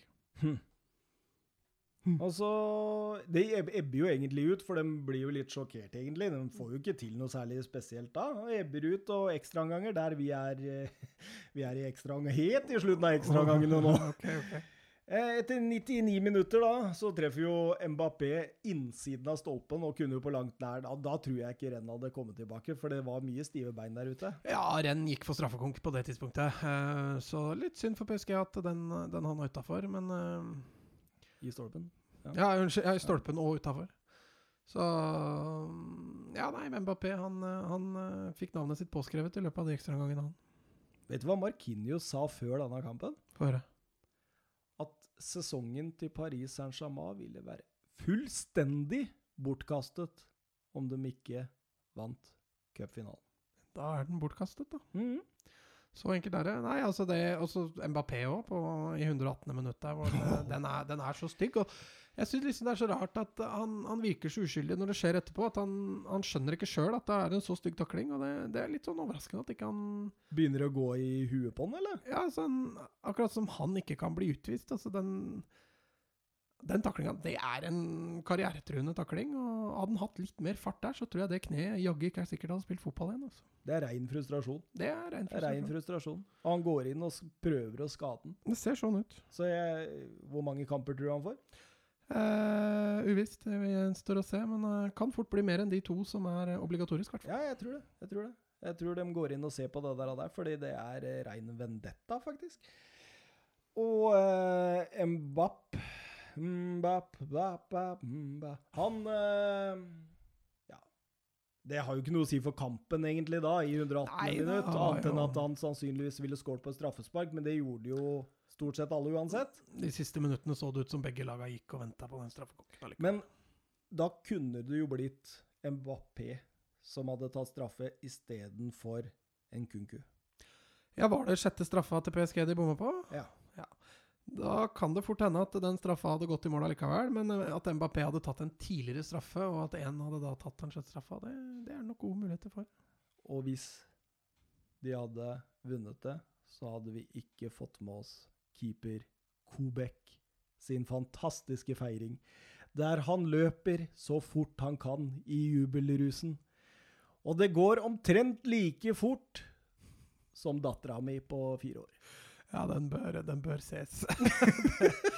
Er, Og, og den eh, entusiasmen der han drar av gårde bort det, det, er fantastisk! Jeg, jeg elsker Kobek fra nå av. Det er idrett, idrettsglede. Vi, vi får lage en egen spalte om han og følge han. Uh, Ja, skal vi gjøre det? Skal vi følge Kobek litt? Han uh, kan vi godt studere litt. Han var en nydelig type. og Litt sånn idrettsglede som man blir glad i. Og, og Det er Ekebergsletta! hadde PSG vunnet den kampen, så hadde det ikke vært samme gleden. Nei, nei, det er Ekebergsletta, det han viste der. Er breddefotball. Ja, ja. Det er helt fantastisk.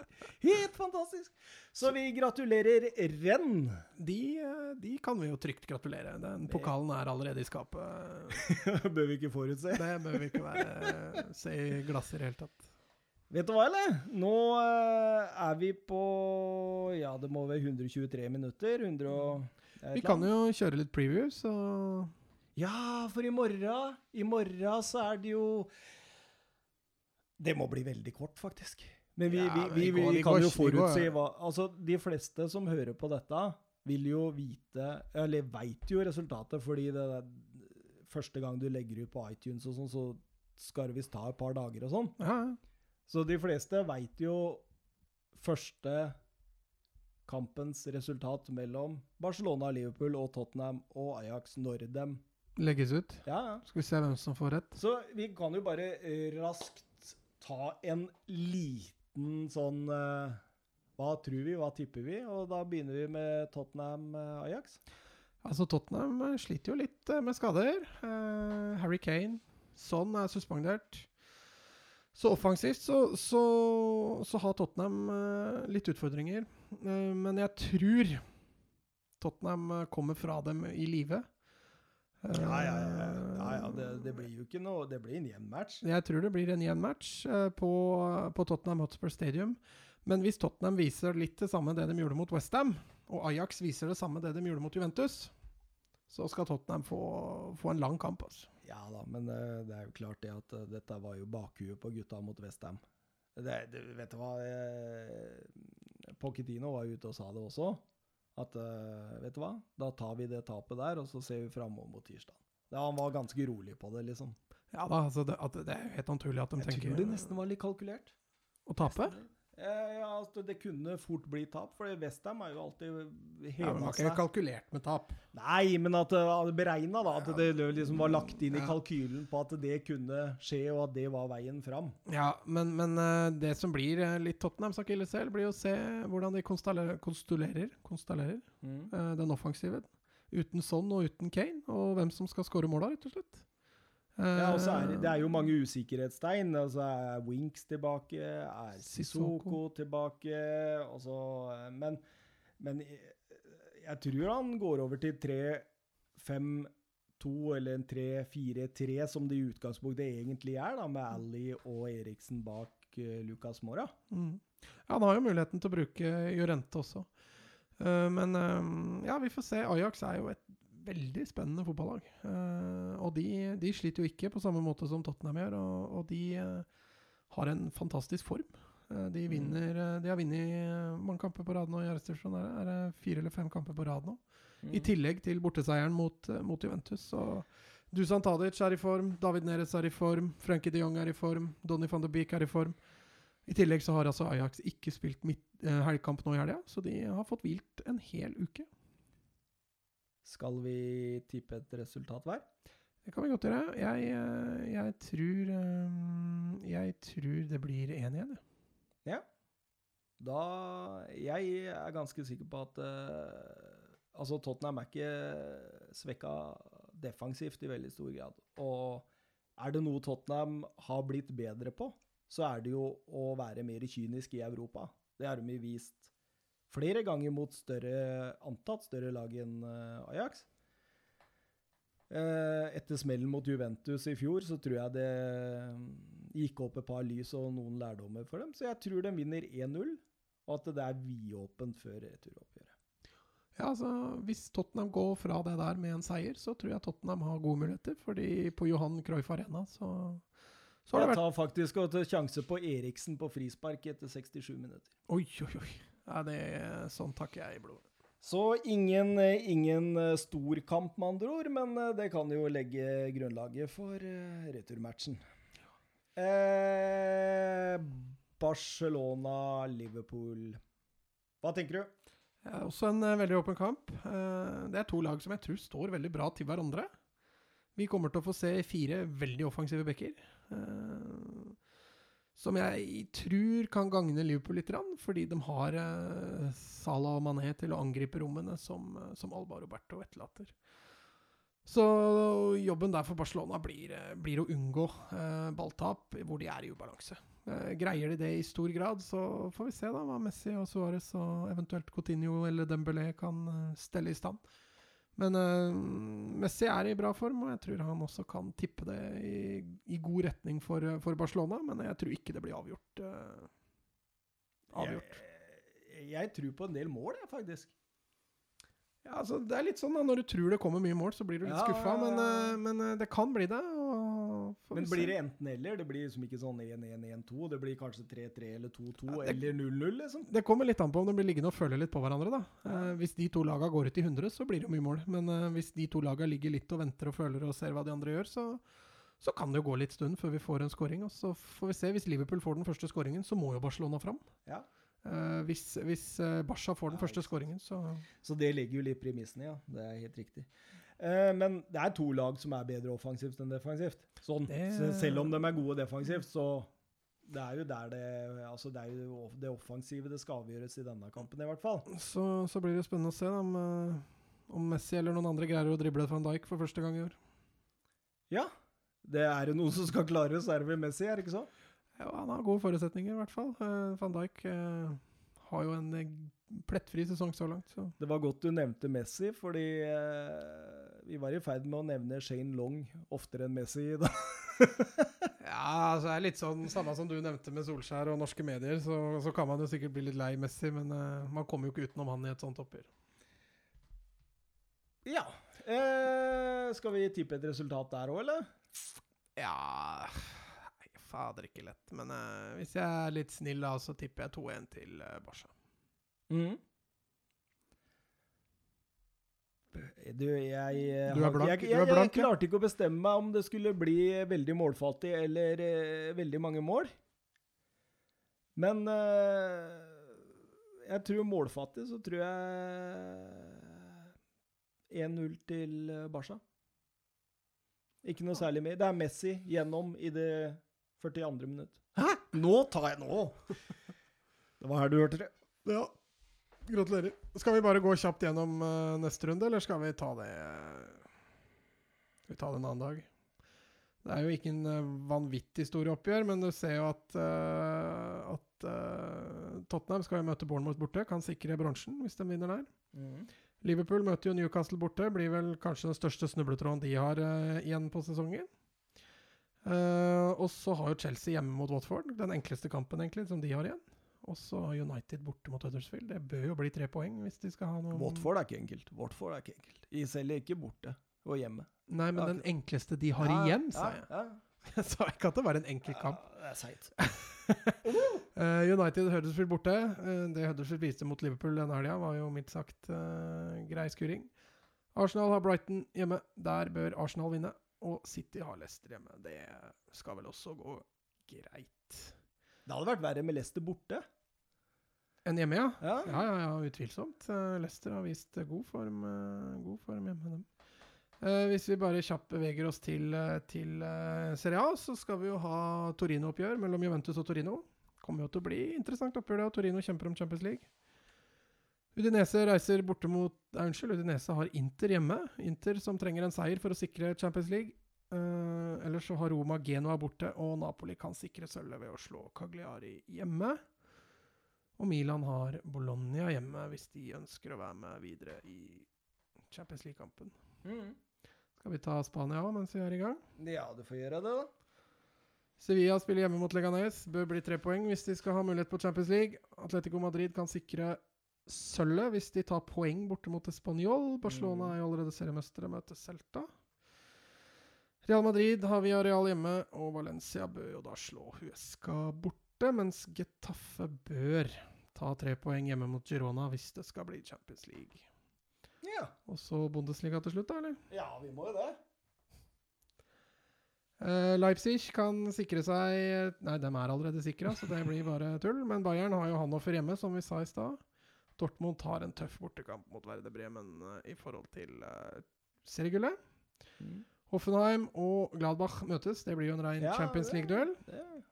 Og så Nürnberg da får en vanskelig bortekamp mot Wolfsburg i kampen om å overleve. Schalke kan sikre plassen hvis de slår Augsburg hjemme, og Leverkosten møter Eintracht Frankfurt. Så der får du også en Champions League-duell. Artige kamper, artige kamper. Det blir mye å se fram til, da, som andre ord. Det blir gøy. Mm. Men uh, du vet hva, nå er vi langt, langt inn i Er vi, på fei straffesparkkonkurransen. er vi på feiring, eller er vi Ja, ja, jeg, vi er snart på feiring i hvert fall, så jeg tror, eh, jeg tror rett og slett vi runder av. såpass? Skal vi gjøre det? Ja, jeg syns det. Ja. Sånn at eh, Tror du det er noen som henger med nå? Ja, nei, vi får se. Kjerringa har sagt du skal høre på hele, så Ja, Vi, eh, vi lover i hvert fall at det blir ikke to timer og 16 minutter neste gang. Å, fy fader, det er så lenge. Mm. Ja, nei, det er bare å runde av. Ja, da runder vi av, og så sier vi god eh, fotballuke. Det eh, var hyggelig sagt. Ja, Og så høres vi igjen. Hei, hei. Hei!